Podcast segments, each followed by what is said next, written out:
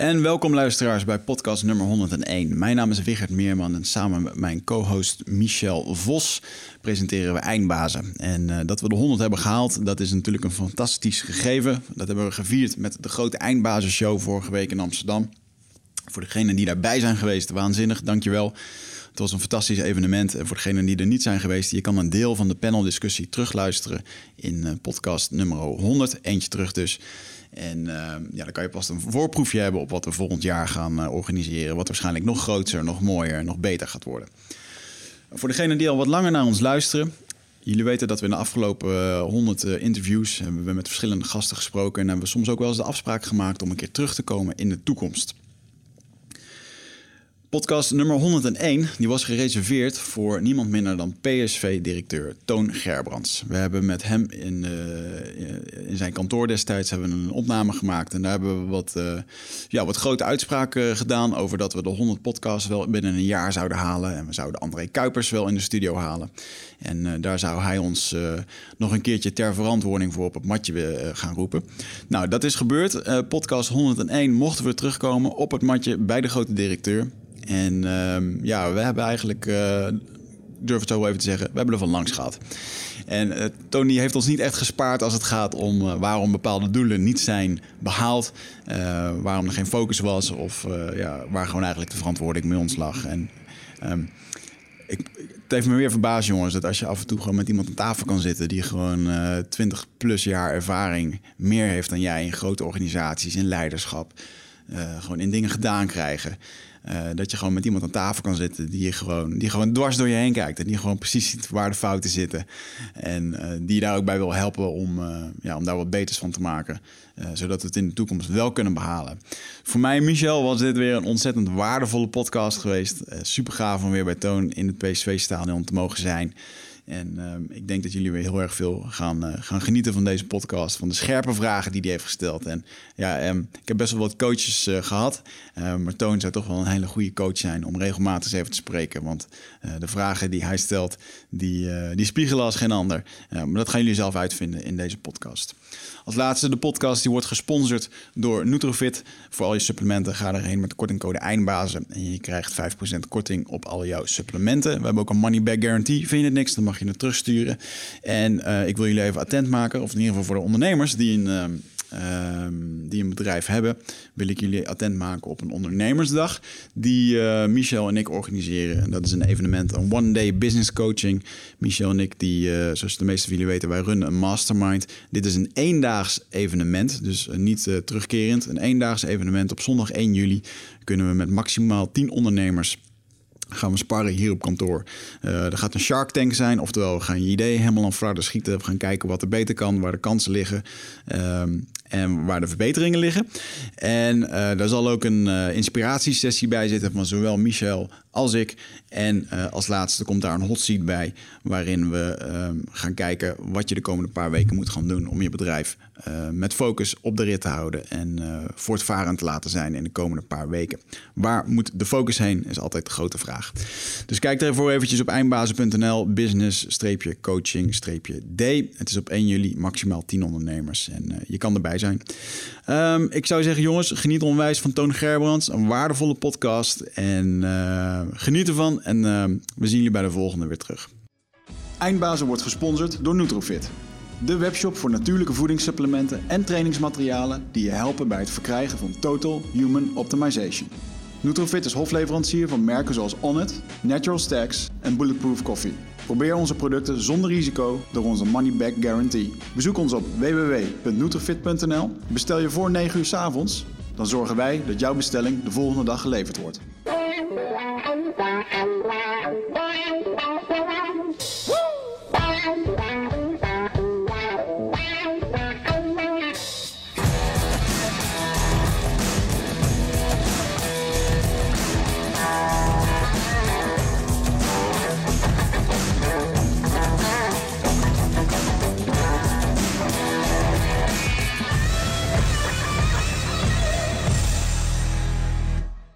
And we're back. Nou, letterlijk deze keer. Letterlijk. Hoe voelt dit voor jou? Als op het matje komen. Ja, zo, zo, voelde ik dat ook. Ik moet op het matje komen bij de directeur om een grote bek te verantwoorden. Ja, want die hebben we wel gehad eh, de laatste keer dat we hier zaten. Maar het is een mijlpaal, jongen. We hebben, we hebben ooit in deze podcast gezegd... ik weet niet waar dat tot stand is gekomen... de eerste 100 ehm, doen we eigenlijk geen gasten twee keer. En dat is uh, nou, voor 98% gelukt. De enige uitzondering is jouw lieftallige Ega. We vergeven het er, want ze slaapt met een van de hosts. Um, maar um, ja, inmiddels is het punt wel daar. En uh, dat is tot stand gekomen in een uh, podcast waarbij we dat ook uh, tegen een gast zeiden. Die zei zoiets nou dat wil ik dan nog wel eens zien, jongens. We hebben twee dingen redelijk ferm gepostuleerd, op tafel gelegd. Um, en ze zijn beide niet echt gelukt. Um, maar we zitten er weer, meneer Gerbrands. Dank u wel dat we nog een keer mochten terugkomen. Ja, nee, voor de mensen die die vorige uitzending niet hebben gezien. Het ging toen over succes, het ging over doelen stellen. En toen heb ik uitgelegd hoe ik met die dingen omging. Toen zei ik, wat hebben jullie dan doelen? Wat gaan jullie halen? Mm. En twee dingen hebben jullie toen, weet ik nog, gezegd. We gaan binnen die 100 gaan we zeker halen. Binnen een bepaalde periode. Uh, dat hebben we niet gehaald. En de tweede gast die ik graag wilde hebben was André Kuipers. Ja. Dat zou zeker gaan lukken. Ja. ja. En ik heb even op internet gekeken. Maar tot nu toe is André Kuipers nog niet verschenen. Nee. Je hebt gelijk. ja, nou, hier waren we zo een klein beetje bang voor bij, het, uh, bij de voorbereiding. Nee, maar dat klopt. Um, desondanks. Ja, maar ik wil zeggen, het is niet eens zozeer belangrijk of je het haalt, ja of nee. Want dat geldt voor heel veel mensen die leiding geven of met andere mensen omgaan. Maar wel is interessant, uh, als je iets niet haalt of het zit ik er tegen, hoe je dat evalueert. Hoe je ermee omgaat, uh, wat je van kan leren en hoe je zelf kan verbeteren. Ja. Want dat vind ik veel interessanter antwoorden. Als een doel haal, ja of nee. Dus als je gehaald had, was je triomfantelijk binnengekomen. Ik zei, nou, ik heb het gehaald. Nou, dan uh, prima. Maar nu is het interessant. Hoe komt André Kuipers nog in deze uitzending? Ja, daar hebben we het net even over gehad. Hè? Wat dat, ja. uh, sowieso hebben we na, na, de uitzending hebben we wel als doel gesteld... ons grote einddoel, onze missie is Willem-Alexander. Omdat hij de eindbaas is van Nederland. En uh, daarvoor hebben we een strategie uitgeplozen. Waarbij we eerst heel de politiek willen uitnodigen. En dan moet dat langzaam daar naartoe rollen. Ja, en André Kuipers, we hebben ja, we hebben een gast die hebben we tien keer gecontact en om een of andere reden komen we niet door. We zijn niet belangrijk genoeg. Dat, betekent... dat is de vraag. Want uh, kijk, uh, mensen die soms worden aangenomen bij sollicitatiegesprekken verrassen vaak mensen.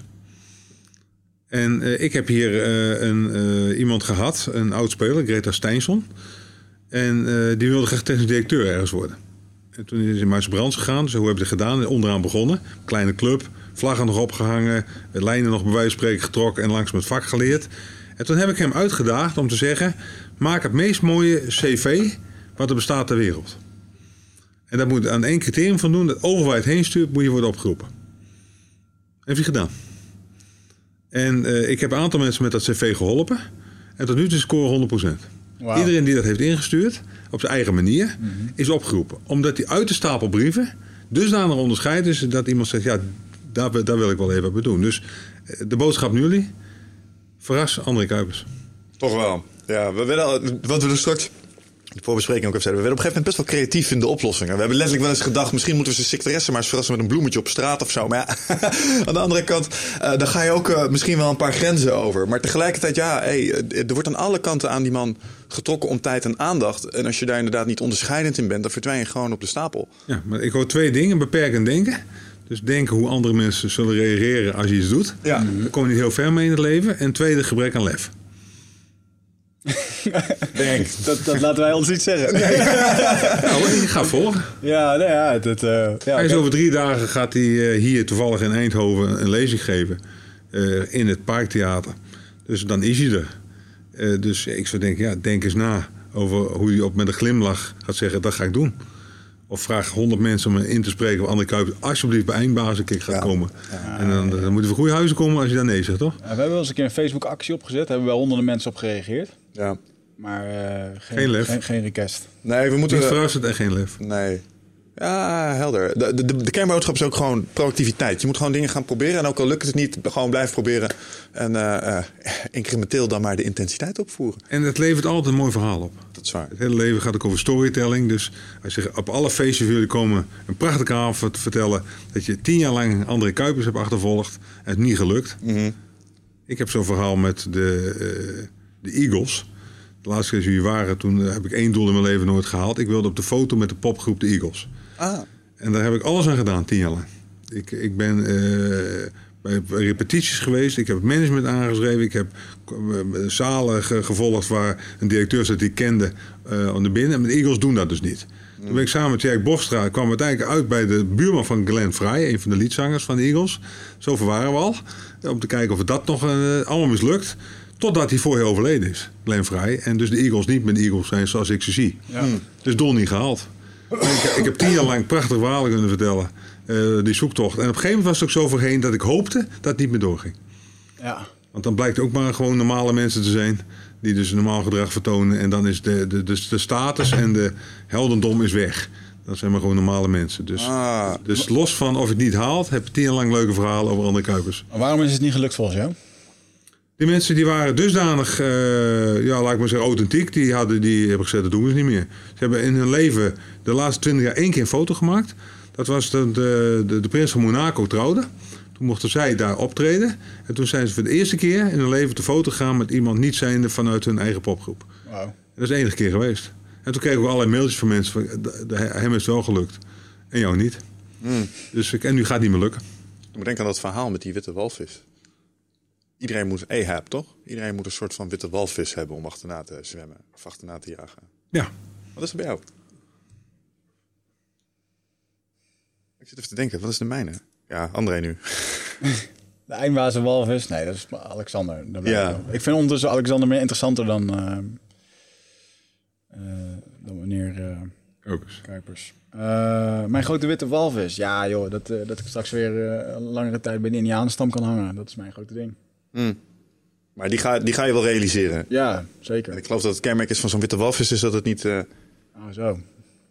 dat je hem net niet kan Bijna krijgen. onbereikbaar. Bijna onbereikbaar, ja, precies. Nou, toevallig eh, eh, vroeg mijn vriendin het van de week. We eh, vroegen aan elkaar de vraag. Als je nou iemand mocht eh, interviewen, wie dan ook op deze aarde, overleden of niet, eh, wie zou je dan doen? Oh, dat is een mooi. Ja, ik vond voor mij, waar ik, eh, wie ik onwijs eh, kan waarderen, is eh, Guy Ritchie, die regisseur.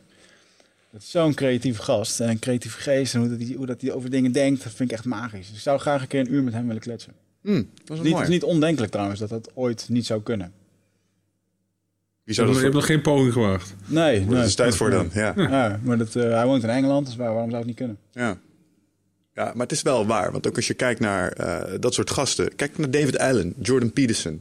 Mensen waarvan ik dacht, ga ik nooit, nooit één op één kunnen spreken. Weet je wel, mailtjes heen gestuurd, mag ik één op één coaching van je. Maar Dat waren ja, de makkelijkste om te krijgen. ja, en uiteindelijk lukte dat gewoon. Dus eh, in dat opzicht, eh, het Ja, is maar ook het waar. komt wel bij beperkend denken uit. Dat mensen inderdaad denken van het zal wel dat.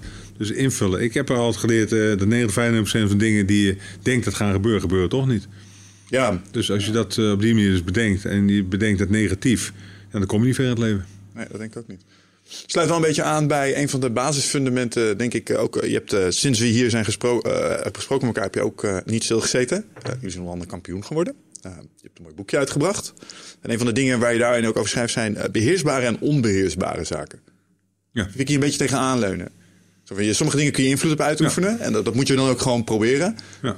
Maar in dit geval vind ik, vind ik de scheidslijn vinden tussen maar wat is nou onbeheersbaar en wat is beheersbaar. Zeg maar, tot hoeverre werkt proactiviteit nog? En daarna ben je eigenlijk gewoon op een soort muur gelopen en is het een, een, een verspilling van energie. Ja. Vind ik nog wel eens lastig.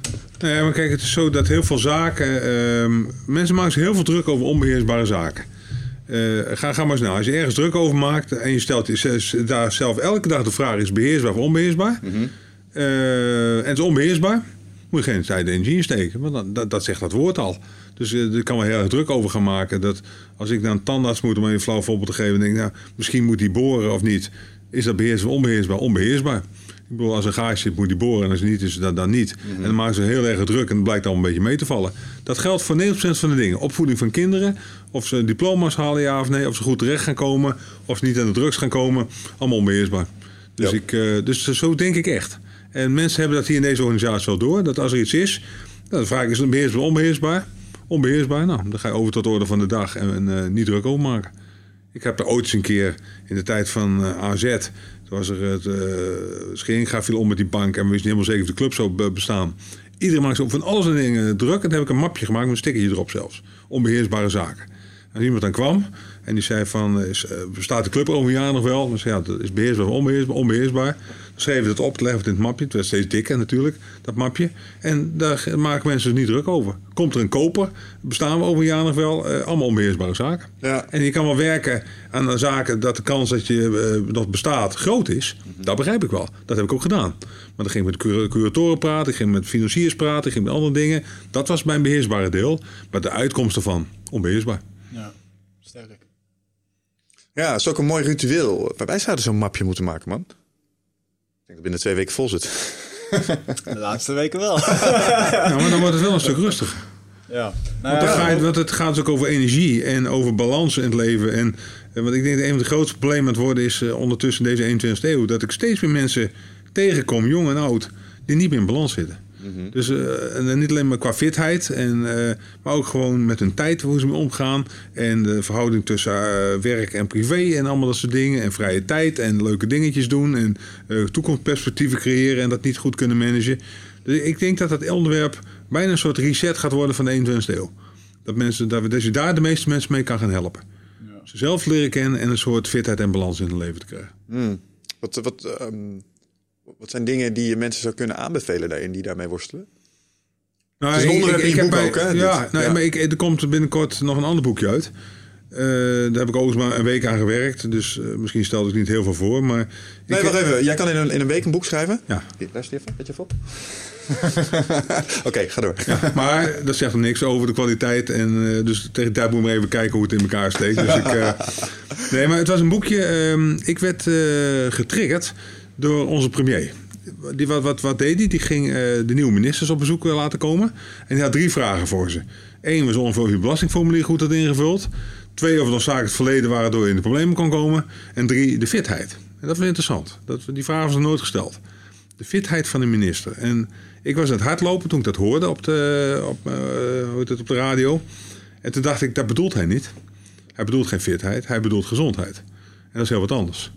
Want, eh, en toen dacht ik van oké, eh, als nou ergens het fout gesteld is met de fitheid, is in de politiek wel. Ze slapen te kort, ze vergaderen te lang, ze eten te slecht, eh, zijn nooit thuis bij hun familie, sporten nauwelijks. Dus over fitheid gesproken, het voorbeeld hoe het dus niet moet volgens mij. Dus ik denk, weet je wat, dat zal met meer mensen het geval zijn. Dus ik ga een boekje schrijven wat ik versta onder fitheid. En dat gaat niet over het fysieke of over voeding of andere dingen, maar ook de balans en voldoende slapen en ook voldoende leuke dingen doen. Gewoon de hele balans in je hele leven. En ehm, dat is dus klaar, dus het wordt nu ergens vormgegeven en eh, ik weet niet wanneer het uitkomt. Maar dat ga ik aanbieden aan eh, het kabinet. Dus, ik, eh, dus Rutte moet eigenlijk ontvangst nemen. En ik geef nog extra boekjes voor de rest van de ministers. Terecht. Want kijk, en als je praat over. ik, ik heb vorige keer iets over geroepen. Maar als mensen één uur te kort slapen, is de productiviteit overdag 10% minder. Dus je kan bij een uur later op je werk komen en even doorslapen. Dan eh wordt het geforceerd weer ergens komen. Dan ben je nog humeur, zaggerijnig. Dus met andere woorden, een derde van je leven slaap je, roep ik altijd. Eh, en dan maken we ons eigenlijk het minst druk over. Want ik vroeg een keer aan iemand van, wat is de beste auto? Wist iedereen me zo te vertellen. Wat ik vroeg, wat is de beste matras ter wereld? Wist niemand dat. Hoe heet die dingen nou? 40k per stuk. Dat is- Met zo'n ruitjespatroon erop. Ja, klopt. Hoe heten ze? 40k per stuk. Ja, 40k per matras. Dus, dus ze hebben zo'n typisch... eh, Hastings. Juist, dat zijn ze, ja. Die staan nog op de wishlist. Die heb jij eentje. Die heb ik, ja. Ja. En zijn ze het Dat waard? verbaast toch niet, of wel? Nee, nee. Niet als je het zo zegt met die grijs. Nee, maar hij noemt het merk, dus ik... eh, Ja, ja, ja, nee, maar De, de, de, vraag, is- de vraag die erachter zit... ehm, ik heb best wel geïnvesteerd in mijn matrassen, maar kun je het merken? Zeg maar die, die upgrade van een redelijk, bed- redelijk goed bed naar deze. Ja, dat is echt, kan je het eh, verschil tussen een 2000 euro matras en een 40.000 euro matras? Hij is geen 40.000 euro. Zo duur is het ook niet. oké, maar wel duur. Ja, hij is voor een, a- Voor ja, een arbeider is het duur. Ja, Maar als je dat, als je dat eh, zegt van dat een matras acht jaar meegaat en een matras kost 10.000 euro of een bed erbij of 12.000 euro, dan is het per jaar 1500 euro. Dat schrijft minder af als een auto. Ja, en als je dat vertaalt naar de kwaliteit van je rust en wat dat zou kunnen doen in je professionele activiteiten, dan loont het dat. Absoluut. Ja, die Dat is mijn pleidooi. Ja. Dus het gaat niet over de matras, maar het gaat om de manier van denken. Dus die probeer ik dan een beetje ter discussie te stellen. Zeg van, nou, doe dan voldoende leuke dingen, een beetje in balans. Want eigenlijk is heel simpel, is de basisvraag, wie presteert er beter? Een uitgeruste manager of een vermoeide manager? Ja. En dan roept iedereen een uitgeruste manager. Ik zeg, nou, ik zeg, ga dan even zo managen dat je uitgerust bent. Die quote heb ik echt vaak gebruikt in eh, mijn eigen trainingen ook. Deze. En dan snappen mensen het meteen. Ja, maar ze doen het niet. Nee, maar dat vind ik ook moeilijk. Want dan, dan, dan hoor ik ze dat, dan vertel ik ze dat. En dan zit ze, ja, daar heeft hij wel gelijk in. Maar als ik nu, om, de, om hier gehoor aan te geven, in mijn team een uur later binnenkom lopen. En, en ik ga dat wat structureler doen, om- omdat ik dan meega in mijn eh, energieniveau. Dan, dan eh, kost me dat een soort van punten in het team.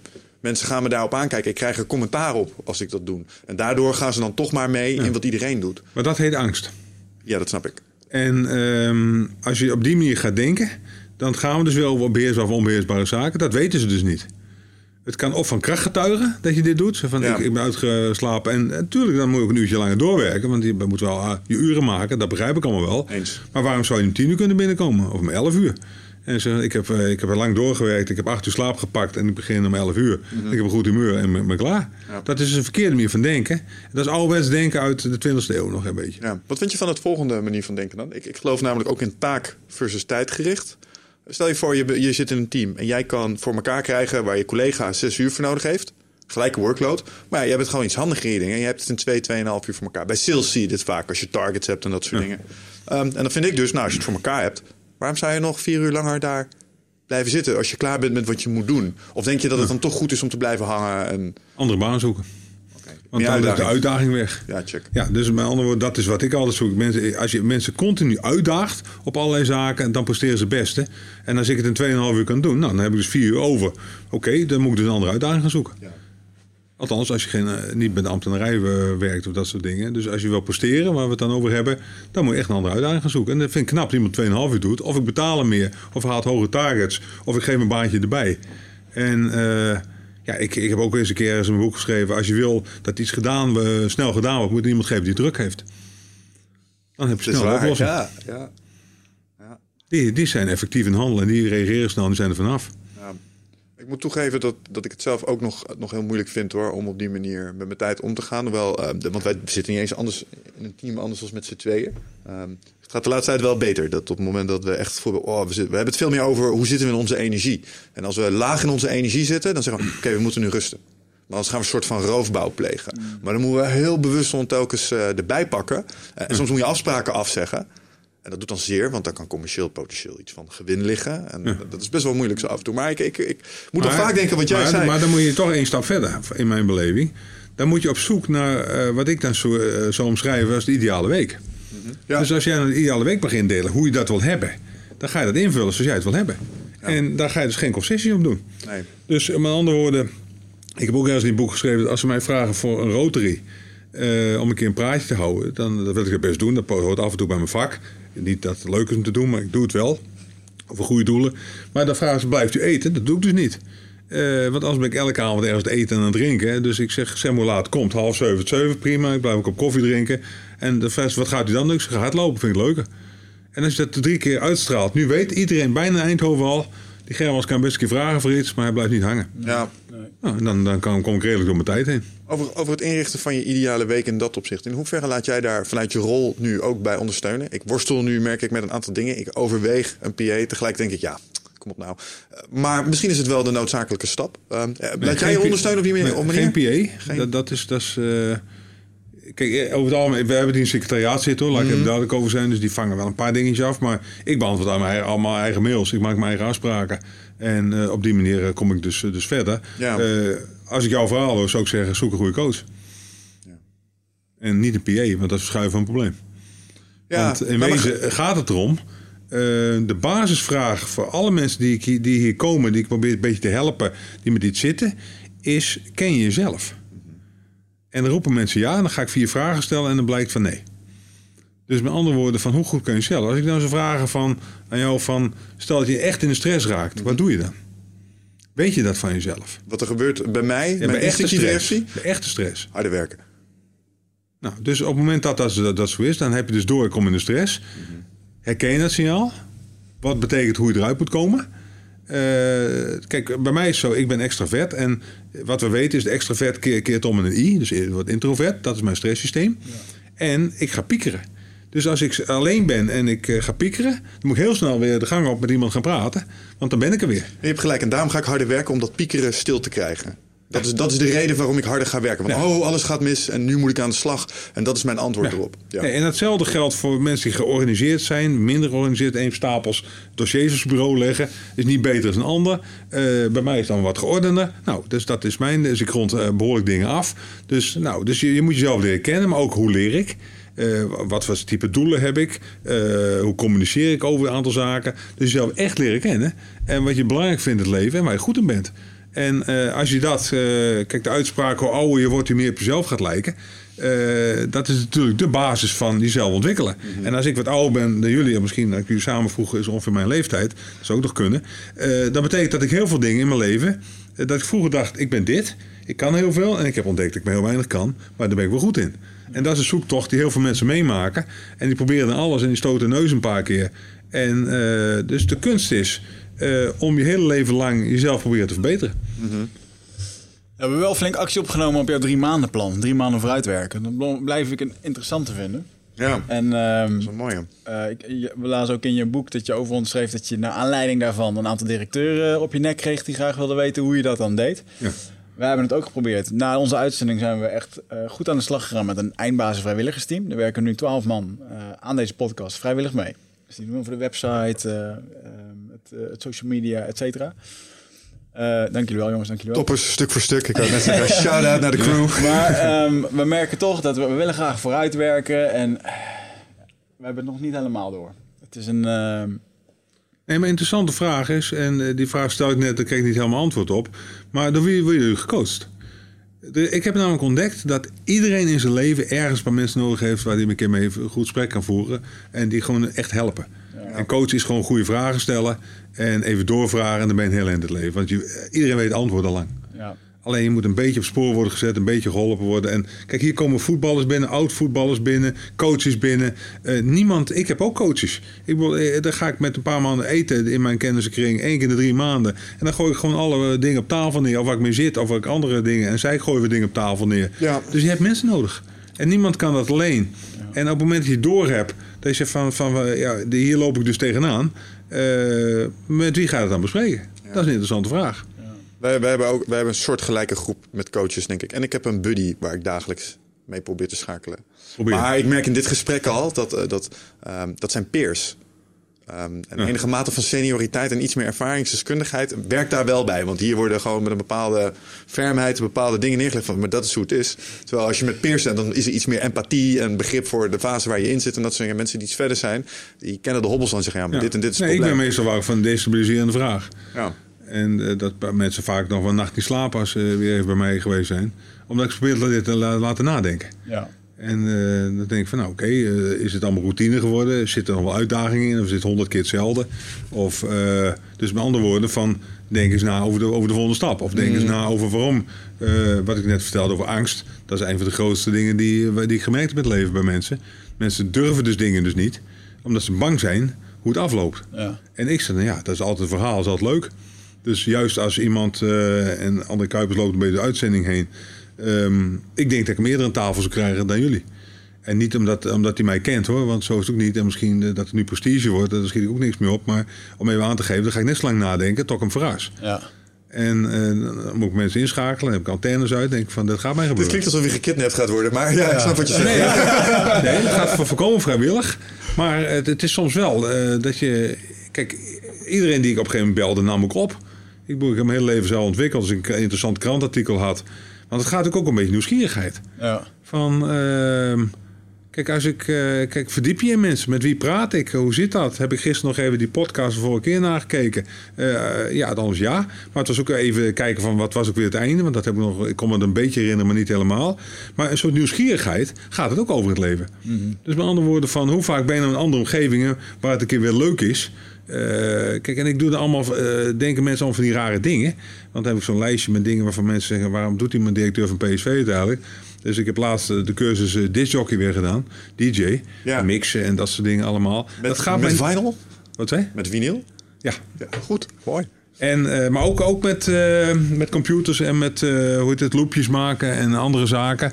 En ja, dat moeten ze mensen uitleggen. Denk je, ja, de directeur van PSV heeft er tijd voor. is dat niet te gek voor woorden enzovoort. Het gaat mij niet om die techniek, want dat kunnen anderen tien keer beter. Maar je, je komt in aanraking met een paar interessante mensen.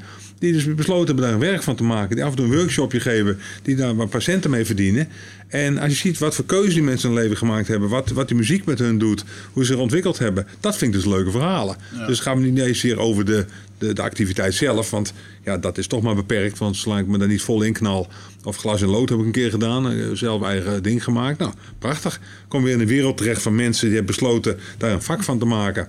En uh, hoe ze hun geld verdienen. Dat, dat vind ik dus een interessante verhaal. Ja. Nieuwsgierigheid. Doe me heel erg denken aan wat je destijds vertelde over tatoeages. Omdat je uh, in aanraking kwam met mensen die meer hadden. En dat in eerste instantie, dan denk je daar iets van. Maar als je met die mensen in gesprek gaat en je toont een stukje inderdaad nieuw, nieuwsgierigheid en interesse. Ja. Dan kun je daar hele interessante verhalen mee dat, naar boven krijgen. Dat ben ik mee eens. Dus dat, uh, de, maar het gaat dus ook over um, oprechte interesse in mensen. En uh, dat woord oprechte interesse, daar gaat het dus uiteindelijk mm. over. En ook, uh, want ik noem een paar dingen op net, maar hoe vaak komt dat nog voor? Dus met andere woorden, van hoe kan ik nou interesse in mensen tonen als ik geen tijd heb? Dus dan praat ik af en toe met, met mensen die uh, bedrijven runnen enzovoort. En ik heb een heel mooi voorbeeld ervan hoe dat gewoon ook kan in positieve zin. Dat, dat is Peter Wenning, de, de, grote baas van ASML. Dus dat is een bedrijf waar, waar 10.000 mensen werken. En uh, ik heb een keer gevraagd daar aan wat mensen. Ik zeg, zien jullie hem vaak? Ze zeiden ze zien hem altijd. Ik zeg, maar hoe doet hij het dan? Nou, wat hij dus doet, hij gaat 's ochtends vroeg ontbijten. Dus hij pakt gewoon zijn plateautje. Gaat in de rij staan, pakt een broodje, uh, kop koffie erbij, gaat eten. Gaat een tafeltje schuiven waar hij kan zitten. En elke middag eet hij daar. Dus ze zien hem, van de, zeg maar, als hij niet in het buitenland zit, zien ze hem 400, 500 keer per jaar. En iedereen kent Peter Wenning.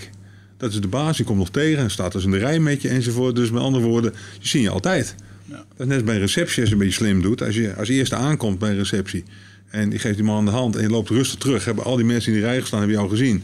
Je gaat naar het toilet in weg en dan denkt iedereen dat je geweest bent. Maar bij receptie weet toch nooit iemand waar je uithangt. Dus uh, de kunst is met dat soort dingen om ook een klein beetje een strategie te bewandelen. Dus je zegt, luister, kan hij met iedereen praten van die 10.000? Nee. Maar hij kan wel laten zien, ik hoor bij dit bedrijf. Ja. En dat is hem dus gelukt. En dat is een mooi voorbeeld. Dus sinds dat verhaal van Peter Wenning moet niemand meer bij me aankomen. Dat het niet mogelijk is om in bedrijven uh, je neus te laten zien. Maar als hij besluit de krant te gaan lezen en niet in de kantine te gaan zitten. Of tussen de middag niet te gaan lunchen. Of op zijn kamer te gaan lunchen. Hoezo interesse in mensen? Mm -hmm. Nul. Ja. ja. Hoe, um, uh, wat heb je tegen die uh, ondernemers verteld waar jij mocht komen opdragen over die drie maanden? Want um, wat hadden zij nog niet begrepen? We hebben er natuurlijk eventjes over gesproken toen in de podcast. Ja. Maar het blijft mij ook uh, vasthouden. Ik moet daar ook wel mee. Ik wil het ook, laat ik het zo zeggen. Nou, de vraag is of je het wil. Dat is een interessante vraag om mee te beginnen. Want ik ken jouw profiel natuurlijk niet helemaal. Mm. Uh, maar als je het echt wil, dan moet je prioriteit geven. Ja. En uh, wat je dus ook heel veel ziet, is dat mensen met woorden en geïnspireerd raken door een boek of door een bepaalde benaderingswijze. Maar in het gedrag, dat is dat niet, uh, hoe heet het, laten, laten zien. En uh, kijk, wat, wat ik vertelde was van, als je praat over time management, uh, de, de, grote man die erover ging, die zei, luister, iedereen schuift twee, drie maanden werk vooruit, een hele leven vooruit, tot ze doodgaan.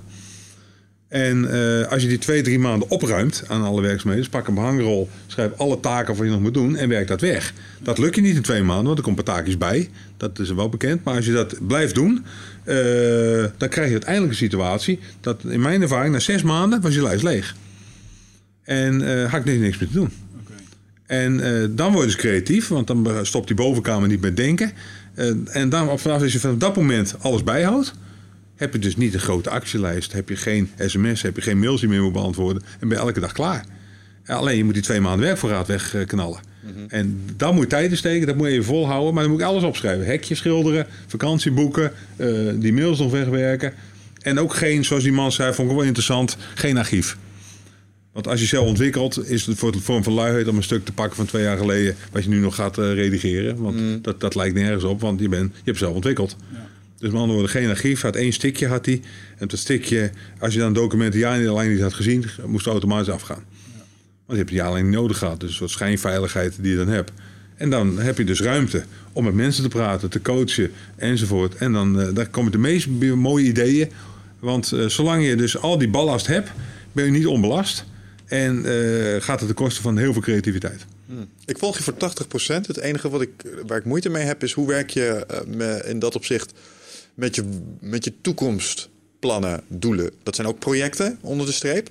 Ehm, en die genereren ook hun eigen workload. Dus als jij een ambitie hebt om over twee jaar ergens te staan, ehm, dat vertegenwoordigt, eh, vertegenwoordigt een bepaalde hoeveelheid werk die over de loop van die twee jaar zult moeten worden uitgegeven. Dus je hebt altijd een werkvoorraad van een x aantal weken, maanden. Maar die toekomst wordt elke keer belast met dat extra werk wat nog ligt. Ja. En eh, volgens de man die ik dus eh, daarover sprak, ik weet niet eens zijn naam maar die had heel verstand van. En die zei: luister, als je eerst alles wegwerkt en dan over de toekomst gaat denken, kom je verder. Dat geloof ik. Want anders ben je een soort, eh, ben je niet het focussen. Dan ben je nog steeds je aandacht aan verdelen. En de ene keer ben je een halve dag bezig met je toekomst. Dan sta je niet aan, dan ben je weer bezig met mails te beantwoorden. De derde dag moet je vriendin te vriend houden. eh, enzovoort. Dus zo gaat dat achter elkaar door. Dus dan is het geen vorm van, van, van focus die, er, die erop zit. Dus met andere woorden van... eh, je kan beter de dingen die je doet, goed doet, alle tijd erin. Want multitasken, ja, alle mensen die daar verstand van hebben... zullen ook gaan uitleggen dat dat dus niet werkt. Ja, eens. Dus eh, je focus op één ding, dat doe je goed, daar steek je tijd in. Of je moet gewoon zeggen, als je jouw 80% verhaal, elke vrijdag is alleen voor mijn toekomst. Nou, ook goed. Ja, dat is een mooie. Nog, nog even doorgeeken over dat time management. Dat vind ik leuk. Hoe, hoe organiseer je dit in fysieke zin? Heb jij een applicatie? Ik werk met een boek om, om soortgelijke dingetjes te doen. Hoe, manage je dit voor jezelf in je dagelijkse activiteiten? Dus die taken in kaart houden, zorgen dat ze gebeuren. Ja, als je weggewerkt hebt, heb je geen taken meer. Ja, met andere woorden, je hebt geen takenlijst nodig, want Nee. ja, dat is echt een luxe positie om in te verkeren in dat opzicht. Nee, dit kan iedereen. Ja, dat snap ik wel. Maar daar, daar moet wel wat effort voor worden Maar gepleegd. jij hebt toch ook gewoon nog dagelijks je dingen te doen? Je, je weet toch dat er over twee maanden dingen moeten gebeuren? Ja, ik, ik was er wel even... Wat er over twee maanden moet gebeuren? Toch? Nou, je hebt toch ook taken die je moet doen dan voor om over twee maanden weer. Dan moet hier Nou ja, volgens de systematiek, als ik het echt weet dat ik over twee maanden een stuk moet schrijven, schrijf ik nu in mijn agenda. Dat ik over twee maanden twee uurtjes plan om iets te schrijven. Ja, oké. oké, ben ik het vanaf.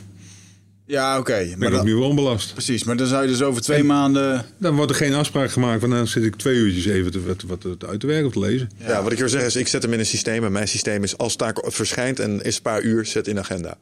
Ja. Ja, check. Nee, maar kijk, want ik, ik leg het toen een keertje uit. Dus er zijn drie taken. Eén die je binnen twee minuten kan doen. Dus met andere woorden, dat is gewoon elke dag opruimen. Ja. Dus een afspraakje maken of even plannen dat deze afspraak er was. Nou, dat is een twee minuten actie. Ja. Eh, of je stuurt iets door, in mijn geval. kan ook nog als manager. Dus eh, iemand anders moet er wat mee, mee doen. Dan, dan, dan, dan, check je, wanneer je wil, even hoe het ervoor staat. Heb ik ook niks te doen. Of ik moet lezen of ik moet iets schrijven. Nou, dan plan ik wanneer ik dat wil. Dan ben ik ochtends op mijn best, 's middags op mijn best. En wanneer moet ik klaar? Dan plan ik de agenda. En dan doe ik dat, dan ben ik klaar. Ja.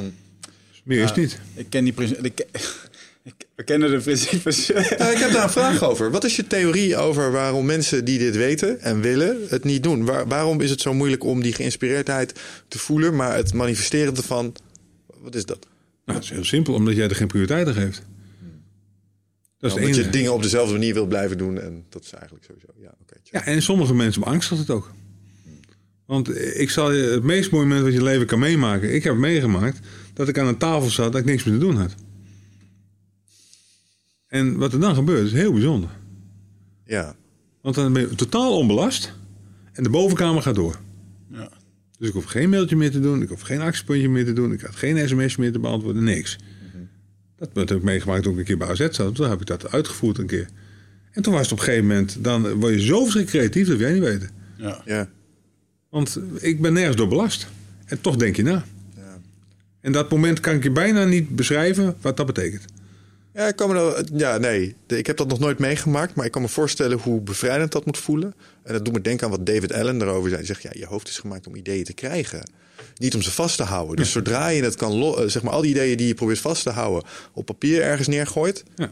dan kom je in Ja, clear space en dan, dan gaat Kijk, het het boek van David Ellis is een prachtig boek. En de, de, de drie laatste principes die ik uitleg staan daar ook in. Die heeft ze ook op die manier benoemd. Maar het gaat om het eerste. Het opruimen van alle ballast die je hebt. Ja. En, eh, en dat is de kunst. En eh, mensen benutten het ook heel slecht. Want eh, als je een keer wisselt van baan, eh, als je slim doet, ben je alles kwijt. Ja. ja, dat klopt, ja. En dan moet nog even de tuinhekjes schilderen en nog even vakantie boeken en nog even een paar andere dingen even doen. En dan ben je klaar. Dus dat is een ideaal moment om vanaf dat moment zo te gaan werken. Want dan ben je onbelast, nieuwe baan begin je met niks. Ja. En dan moet je wel even gaan, gaan managen. Dat als iemand besluit je agenda vol te stoppen met allemaal geintjes, dat je dat zelf wel even bepaalt. Dus eh, En agenda je bent je eigen gatekeeper in dat opzicht. Ja. Ja. Ja. En als je wil weten hoeveel mensen mijn afspraak willen maken. En hoe weinig dat eh, lukt. En soms ben ik in vijf minuten klaar met iemand. Dan zeg ik, wat wilt u? Leggen ze het uit hoe het in elkaar steekt. Of een mailtje beantwoord ik. eh, en als ik niet kan, roep ik nee. En eh, kijk, als je van de tien aanvragen negen keer nee roept, kom je heel in het leven. Ja, ja, koffie drinken, dat doen we ook niet meer. Nee, nee. Dat is eh, geweest. Het kost te veel tijd. Ja, ik vind het mooi dat je dat... Nou, we dat krijgen heel veel aanvragen van mensen die heel graag... eh, die, kreeg laatst nog iemand, die, die kwam naar me toe op een even moment zei... joh, Wigert, ik wil zo graag een keer een kop koffie met je drinken. Ik weet gewoon, er is wat, we moeten een keertje samen kletsen... en dan kunnen we kijken wat eruit komt. En dan, Weet je hoe ik dat oplos met al die aanvragen? Elke maand één vaste middag plannen. En op die middag ben je er. Twee uur koffie. En mag iedereen komen wie welkom is. En daarna niet. Ah, ja.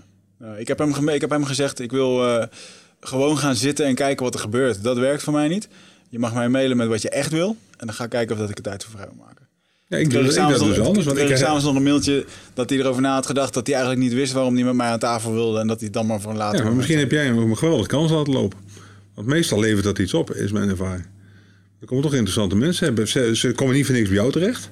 Dus je bent, ge- je bent geïnspireerd door iets. Want als iedereen op dezelfde manier, deze manier tegen de wereld aan zou kijken... Mhm. dan zal niemand je kunnen helpen. Dus met andere woorden, van, jij hebt ergens een soort André Kuipers-strategie. En ergens weet je ook niet wat het teweeg brengt, hè? Ja, Nee, maar wat ik vertelde, kijk, ik, ik heb niet de ruimte om met iedereen te gaan vergaderen. Maar als ik Mm. dan besluit dat het op elke vrijdagmiddag, op de laatste vrijdag van de maand, van twee tot vier mensen even mogen langskomen bij mij te praten. Nou, is er één, heeft hij geluk, is het één. Zitten er vijf, zetten er vijf koppen koffie neer en twee weg. Maar zegt ze, ik kan die dag niet, nou, dan is het jammer. Dan is je volgende maand aan de beurt of niet. Dus bepaal zelf maar. Als zij het belangrijk vinden, komen ze. Ja, dit is Maandelijkse dit- audiëntie, Ja, dit, is- het, dit ja. is wel grappig. Ik had er zo nog niet over nagedacht. Ik deed het puur voor mijn eigen tijd, om dat te beschermen. Gozer, waarom proberen we dit niet gewoon? Gewoon doen. Ik ben testen.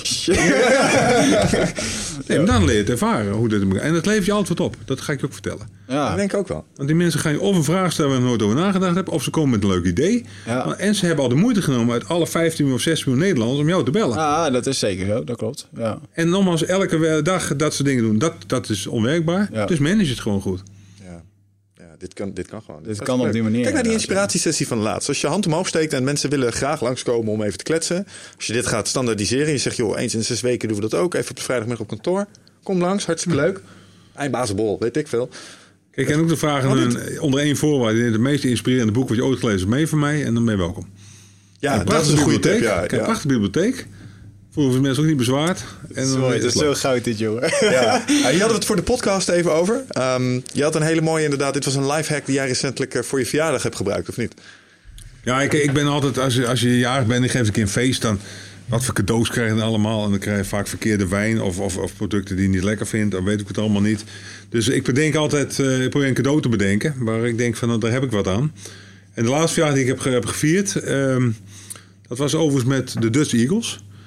Eh, dat, zijn de, een Nederlandse groep die alle nummers van de Eagles eh, speelt. Dus Ah. de anderen waren toch eh, dood, dus dat, dat hielp ook niet meer. Next best, best things. Dus, ja. ik, ja, dus ik heb net lang best gedaan tot, die, tot dat is gelukt hier in Eindhoven. Dus die, die kwamen daar. En toen heb ik als cadeau gevraagd om alle mensen die er kwamen... om mij een boek te geven van iets waar ik toen mezelf nog in kon ontwikkelen. En eh, nou, dat, dat, dat was van alles. Dus, er zat een, een kookboek bij, want ik kook nooit in mijn leven. Dus iemand die de Bijbel had meegenomen. Dus ik bedoel, op allerlei manieren krijg je dan dingen... waar ze denken van, nou, daar kan hij nog wel iets, iets Deze mee. gast heeft Jezus nodig in zijn leven. Ja. Nou ja, als ze blijven gedacht hebben, dan kan je nog eens een beetje ontwikkelen op dat gebied. Nou, dat is misschien waar. Dus iedereen heeft zijn eigen perspectief natuurlijk op dat verhaal. Dus met andere woorden, dan krijg je een, een hele mooie rij boeken, die staan in mijn kast, voor, voor die verjaardag. Met mensen die allemaal iets gevonden hebben van, in dat boek kan je wat inspiratie vinden. Ja. En het leuke van het verhaal is natuurlijk eigenlijk nog niet eens zozeer het boek wat je geeft, maar het verhaal erachter. Want zij hebben zichzelf natuurlijk ergens, zijn ze geïnspireerd geraakt door iets in dat boek. Ja. Dus dat levert ook weer 60 verhalen op. Van mensen die dan in één keer vrij verrassend over dingen vertellen. Waarvan ik ook niet wist hoe ze allemaal over dingen dachten. En waarom ze door dat boek geïnspireerd waren. En waarom ze dat nog denken aan mij mee te kunnen geven. En mezelf te ontwikkelen.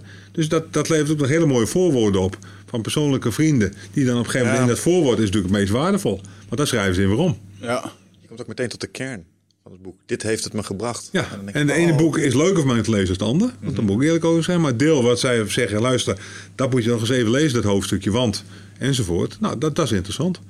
Goeie tip, dit, dit moeten we ook gewoon doen. Ik kreeg laatst een, eh, een jongen die kwam naar me toe of dat, eh, met, zijn, een of met het boek van Michael Project, Master Your Mindset. En hij wilde daar iedereen die hem eh gecoacht had, wilde die eventjes erin laten schrijven wat de allergrootste les was die hij Ja, meegegeven dat wilde. heb je opgeschreven. eh, dat zelfkennis de ware essentie is van echt leiderschap. Ja, nou ja, dus als je dus tien van dat soort quotes gaat ophalen, moet je kijken wat daar gebeurt. Jij, jij, jij kwam daar straks ook maar. Ik kwam erachter nadat ik 40 dagen in een hutje in een Indianenstam in de Amazone had gezeten. Dat was dat mijn grote inzicht. Ja. En, eh, maar het is wel zo. Ja. Ja, kijk, wij- kijk, je praat over kennis van mensen. Maar dat gaat natuurlijk eigenlijk nog veel verder. Als je echt tot essentie van leiderschap, daar ga je over nadenken. Als je alles gaat determineren van leiderschap, dan, dan kom ik maar op één definitie: andere mensen laten functioneren. Dat is mijn definitie van leiderschap.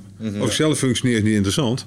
Want als hier 200 man op een loonlijst staan en 199 doen hun best en ik niet, heb ik een wereldtent. Ja. Is leiderschap ook niet de individuele elementen als geheel meer laten genereren als dat ze individueel hadden gedaan? Ja, ook niet meetbaar. Niet meetbaar. Nee. Oké. Dus ik, Ja, zo is eh, mij dat ooit uitgelegd. Als ja. jij hier kon werken als leidinggevende Ja. en eh, iedereen, eh, zeg maar, deze ontwikkelaar kwam uit zoveel land, die kan eh, 100 productiviteitspuntjes genereren en die designer ook en die analisten ook. En jij zorgt ervoor dat ze gezamenlijk 350 kunnen maken, Ja. dan ben je een goed leider. Het leuke is, wat we niet kunnen verklaren, noemen we leiderschap. Dus ik, want dan proberen ze dat te romantiseren enzovoort. Ik heb een taak, je houdt dingen in de gaten. Eh, je bent coach, je probeert mensen te helpen. eh, op een goed moment voel je aan waar je een keer moet zijn. Alle mensen die hier de deur binnenkomen en die een vraag komen stellen, weten het antwoord al. Zo is het alleen maar steun. Ja. Eventjes helpen, of eventjes eh, veiligheid of even andere dingen. Dus, dus dat weten ze allemaal wel. Maar, maar over leiderschap, want alles wat we niet kunnen verklaren gooien we dan op leiderschap. Toch zijn er mensen die eigenschappen bezitten die inspirerend zijn. Als je daar in de buurt van bent, dan gebeurt er iets. En dat noemen we dan charisma. Wat is dat dan volgens jou? Ja, ik, ik, ik leg er altijd uit van... eh, Kijk, als je mijn lijstje ziet van eh, succes... of ik nou coach was of ergens directeur was enzovoort... dat is een redelijk lijstje geworden. En ehm, dat, dat, daar roepen mensen dat geen toeval. Het enige wat ik ervan zeg is dat... Ik, mijn timing is altijd goed geweest. Dat ik, als ik een keus maakte, dan dacht ik van... is dit kansrijk? Moet ik hier wat gaan doen? Heb ik hier kans op succes? Dat was voor mij het allerbelangrijkste. Dus met andere woorden, timing. En timing heeft ook wel een beetje met het woord charisma te maken. Want als je ergens komt waar je kwaliteiten kan inzetten op de goede manier... Dan, eh, dan zit je goed in vel. Dan denk ik, nou, hier vind ik lekker. En dan kan ik eens een keer tegen zitten. En het is allemaal niet, eh, soms ook wel even comfortabel een periode. Maar dan een beetje leuk vinden. Dan kan je verschil gaan maken. Dan kan je een beetje gaan helpen. Dan kan je gaan steunen. Als iedereen aan de put zit, nou, dan probeer je een beetje te helpen. En als het weer te goed gaat, dan denk je, nou, oké, het valt wel een beetje mee. Dus met andere woorden, eh, de timing. Dat je echt uitzoekt, wie ben ik? Welke plaats bieden ze me nu aan? En wat doe ik wel en wat doe ik niet? Ik heb meer keer nee tegen banen gezegd dan ja. Terwijl de banen waar ik meer kon verdienen, waar ik meer mensen leiding kon geven, waar misschien de maatschappij van zou zeggen hoger aanzien, allemaal flauwekul, eh, vind ik zelf. Maar eh, dus als je ergens gaat zitten waar je goed in bent, ja, dan, dan, dan is volgens mij, dan heet het charisma of uitstraling, want je past bij de omgeving. Mm, Oké, ja, ja, ja. En ehm, nou, even ter- terug naar je, naar je boek, ehm, Mijn Stijl. Ehm, daar beschrijf je ook de rol van toeval bij succes, of het al dan niet Ja. toevallig zijn van bepaalde situaties. Hoe kijk je daar tegenaan? Want eh, je moet ook maar even het geluk hebben dat je de opportunity tegenkomt of spot ehm, waarbij dit kan. Ja, ja en nee. Het is zo dat eh, geluk en toeval bestaat bij het leven. Dus met andere woorden, van iedereen die roept dat alles maakbaar is, daar geloof ik dus niet in. Maar ik geloof ook niet in dat omgekeerd dat, eh, dat alleen maar geluk en toeval is. Dat als jij ergens naartoe wil en je stelt ergens een doel. Ik, we hebben het net een paar keer gehad over ik wil iets, iemand bereiken, ik wil iets gaan doen. Als dat je hoofddoel is, dan ga je de kans op succes vergroten. En dat eh, neemt de kans, als je niks doet, neemt de kans op succes niet toe. Als je gaat dingen proberen en langzaam kom je ergens, neemt de kans op succes toe. Dus, dus wat wordt er gevraagd van mensen in eh, verantwoordelijke functies? Om een fundament op te bouwen. En als dat fundament wat steviger is, en of het nou in relaties is of met je kinderen of, of, of op je werk hier, fundament steviger is, ja, dan is de kans dat succes voorkomt, is wat groter. Maar ja, wij zitten in de wereld, als de bal binnenkant paal erin vliegt, vindt iedereen maar weer een goede directeur. En schiet hij eruit, dan uh, deug ik me een tijdje niet. Dus ik bedoel, dat speelt ook een rol. Dus ik heb niet alles onder controle in het, in het leven. Dus daar hebben we over onbeheersbaarheid net gehad. Dat is in dit soort dingen ook weer. Dus een deel is onbeheersbaar. Dat, dat steekt ook echt geen energie in. Dus als die bal binnenkant paal erin gaat, nou, als dat gebeurd is en we hebben punten verloren, dan gaan we met een paar mensen praten en weer helpen. Uh, gaat hij erin, dan juichen we een keertje. Ze hebben goed gedaan. En dan proberen ze voor de volgende wedstrijd de coach weer klaar te krijgen. Ja, zeg het maar. Dus ik, uh, toeval en geluk bestaat. Maar ik durf ook te zeggen dat uh, echte toppers in het leven, mensen die. Uh, er zijn mensen, ja, Louis van Gaal of Mourinho of andere mensen, die hebben allemaal al 20, 30 prijzen gewonnen in hun leven. Mm -hmm. Dat kan geen toeval meer zijn. Ik bedoel, dan doe je toch iets goed, of je hebt goed getimed, of je hebt met de goede mensen, of je paard hebt de goede snaar geraakt en dan heb je succes. Ja. Ja, of je hebt het in de vingers. Je voelt hoe het eh, kan flowen. Want ik heb Ja, maar ik, er zijn absoluut een aantal banen bij waar ik totaal ongeschikt voor ben. Want ik, ik ben dus totaal geen beheerder. Om even te roepen. Dus er moet mij wel een beetje wat levende brouwerij zijn. Er moet wel wat, wat uitdaging zijn. Nou, in deze wereld waar wij dus elke dag zeven kran- journalisten hebben staan... en kranten die wat overschrijven. Zeven praatprogramma's die elke week afbranden. Nou, dat is wel een dynamische omgeving. Met vij- 35.000 man die een mening hebben. Nog 300.000 mensen omheen die er iets van vinden. Het landelijke tv. Ja, dit is een, dynamische omgeving. Dus Ja. daar kom ik wat op recht. Maar zet je mij in een beheersfunctie... Ja, dat, dat, dan, ben ik, dan ben ik al gauw verveeld. Ja. En dan ga ik of zelf een beetje ruzie maken om het een beetje leuk te maken. Maar da- daar koopt dus niemand wat voor. Dus, dus de, de helft van die banen moeten nee tegen zeggen. Ja. Iets, eh, wat, eh, een vraag die bij me reist hierin is... ik vind je heel ehm, rationeel en verstandelijk eh, hierover spreken. Maar ik probeer de laatste tijd mijn besluitvorming... ook iets meer vanuit gevoel en intuïtie te laten plaatsvinden. Soms zegt je hoofd ja, maar zegt iets anders nee. En als je dan toch ja doet, dan krijg je daar vaak spijt van. Ehm, hoe belangrijk is dat in jouw leiderschapspositie? Stuur jij alleen op je hoofd? Of heb je daar ook andere dingen Nou, als, ik, wat, wat volgens mij, eh, wat ik daar zoveel al wel een beetje weet, is zo dat eh, mijn sensitieve kant is vrij goed ontwikkeld. Dus het aanvoelen van waar speelt iets, eh, waar moet ik even zijn enzovoort. Dus daar ben ik blijkbaar mee geboren met het hele verhaal. En ehm zijn ooit een keer, kijk, iedereen doet heel even allerlei testen. En bij mij is de intuïtieve kant niet mee sterk ontwikkeld. Dus ik ben een waarnemer. Dus ik zie dingen en ik, eh, ik reageer op dingen die ik echt eh, hoor, zie en voel, om het zo te zeggen. Maar de intuïtieve, intuïtieve kant die is mij niet sterkst ontwikkeld, dat weet ik al. Dus met andere woorden, dus als je vraagt neem je beslissing op intuïtie, is nee. Dus, eh, want ook jezelf leren kennen. Aan de andere kant kan het ook zijn dat je dus juist in je team een paar mensen erbij zet die dat weer wel hebben. En dan kom je samen tot, tot een mooi managementteam of een directieteam die dan die kant een beetje invult die ik dus niet heb. En dat kan ik niet toevoegen, want dat heb ik ook al aan geleerd. Je bent wie je bent. Er valt weinig te veranderen aan, eh, aan mijn, mijn sterke punten, om even zo te zeggen. Dus, ehm, dus, dus, die, die, dus ik heb wel de gevoelskant goed voor elkaar, maar de intuïtieve kant niet. En eh, dus daarom is het goed om jezelf te leren kennen. Als dat dus bij jou past, dan is dat ook jouw kracht. Dus dan zou je dingen in je eigen wereld eerder waarnemen dan ik. Dan denk ik, gek, dit, dit kon wel zijn. Daar zit een beetje soms het bloedonnaals vandaan halen bij en ook een soort genialiteit. Dus de ene keer is het fantastisch bedacht, en je- die intuïtie die die ik heb aangevoeld dat het zo was. Maar de volgende keer zie je het volledig mis. Want dan blijkt die binnenwereld niet helemaal te kloppen met hoe de rest van de wereld dat ongeveer een keertje ziet. Dus Ja. nou het zijn ook de, de spitsen bij ons. Dat zijn intuïtieve spelers. Ja. Over het algemeen. Dus eh, ik bedoel, als je de echte eh, creatievelingen op het veld zijn intuïtief. Dus die, eh, die, de ene keer gaan ze links er voorbij, de andere keer rechts. Dan kan je zeggen, ja, je moet links er voorbij. Dat zien ze wel in de wedstrijd. Ja. En eh, als je nabespreking met dat soort mensen doet, heeft ook niet veel nut.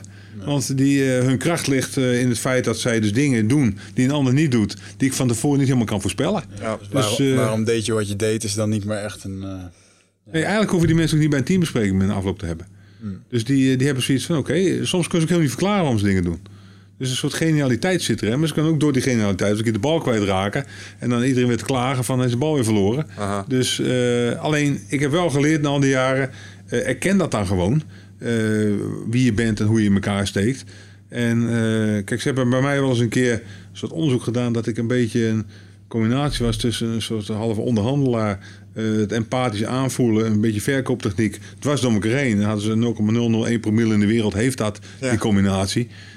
Maar ik weet niet wanneer ik wat aanspreek. Of ik dus nu het verkooppraatje erin kan halen, of het empathisch deel een beetje, of eh, het onderhandelingsdeel een heel klein beetje. Dus, eh, dus dat, dat, dat weet ik ook niet precies. Dat hebben ze me ook uitgelegd. Het is grappig dat je dat zegt. Want nu je die, die noemt, herken ik het wel in de gesprekken die we nu hebben. Weet je toevallig nog welke tests dat waren? Die Nou ja, Brick- was dat die Briggs-Myers? eh, Ja, dat, die, die, die maken we hier sowieso gebruik van. Ja. En MBTI. Dus dat is, eh, dat is, daar, daar weet ik dus dat de intuïtieve kant bij mij niet helemaal... eh, en, en die test waar we het over hadden van 0,01 promille in de wereld, dat is de Berkman-test. Ah, Dus daar hebben ze, dat is een speciaal onderzoek. Dat is, dat is niet even standaard op internet te halen. Dus Nee, echt eh, onderzocht te worden. En dan krijg je dus wel profielen uit van eh, wie je bent. En dat is ook wereldwijd hoe je dan daarin zit. En daar kwam ik wel in een bijzonder categorietje terecht. mm. Ja, we hebben toen eh, voor ons jaarprogramma hebben die 16 personalities test gebruikt. Weet je nog? Dat is ook op eh, basis van Briggs Myers. En wat ik me daar nog van herinner, het is grappig dat je dat zei, dat lage promiel. Jij was volgens mij een van die promielen met maar 0,01% van de wereldbevolking. De advocate, geloof ik. Dat, dat, het stopt mensen ook heerlijk in van die, van die hokjes. En ik weet niet hoe bij jou was, ik herkende me er wel in. Herkende jij jezelf in, die, in de 100%. uitkomst van die test? Ja, als je mijn letters gaat zoeken, ESFJ, Dan, Oh ja, die- nou, ik heb... eh, ja, die... Ja, check. Ja, dus heb dat, dat ben ik. Dus eh, dan kan je ook eh, zien hoe ik dus denk, hoe ik in elkaar steek en waar mijn kracht ligt. Mhm. en, eh, en nogmaals, het is natuurlijk een beetje een hokje stoppen. Dat begrijp ik allemaal wel. Ja. Maar het, heeft, het, het helpt wel. Want ik bedoel, eh, je kan zeggen, ja, niks van een hokje stoppen, daar heb je ook gelijk in. Maar als 98% ongeveer herkenbaar is, dan weet je, daar staat bijvoorbeeld in wat je onder stress doet. Ja. Daar staat bijvoorbeeld in over eh, op welke termijn je doelen stelt. Je hebt mensen met droomdoelen, dat heb ik dus niet.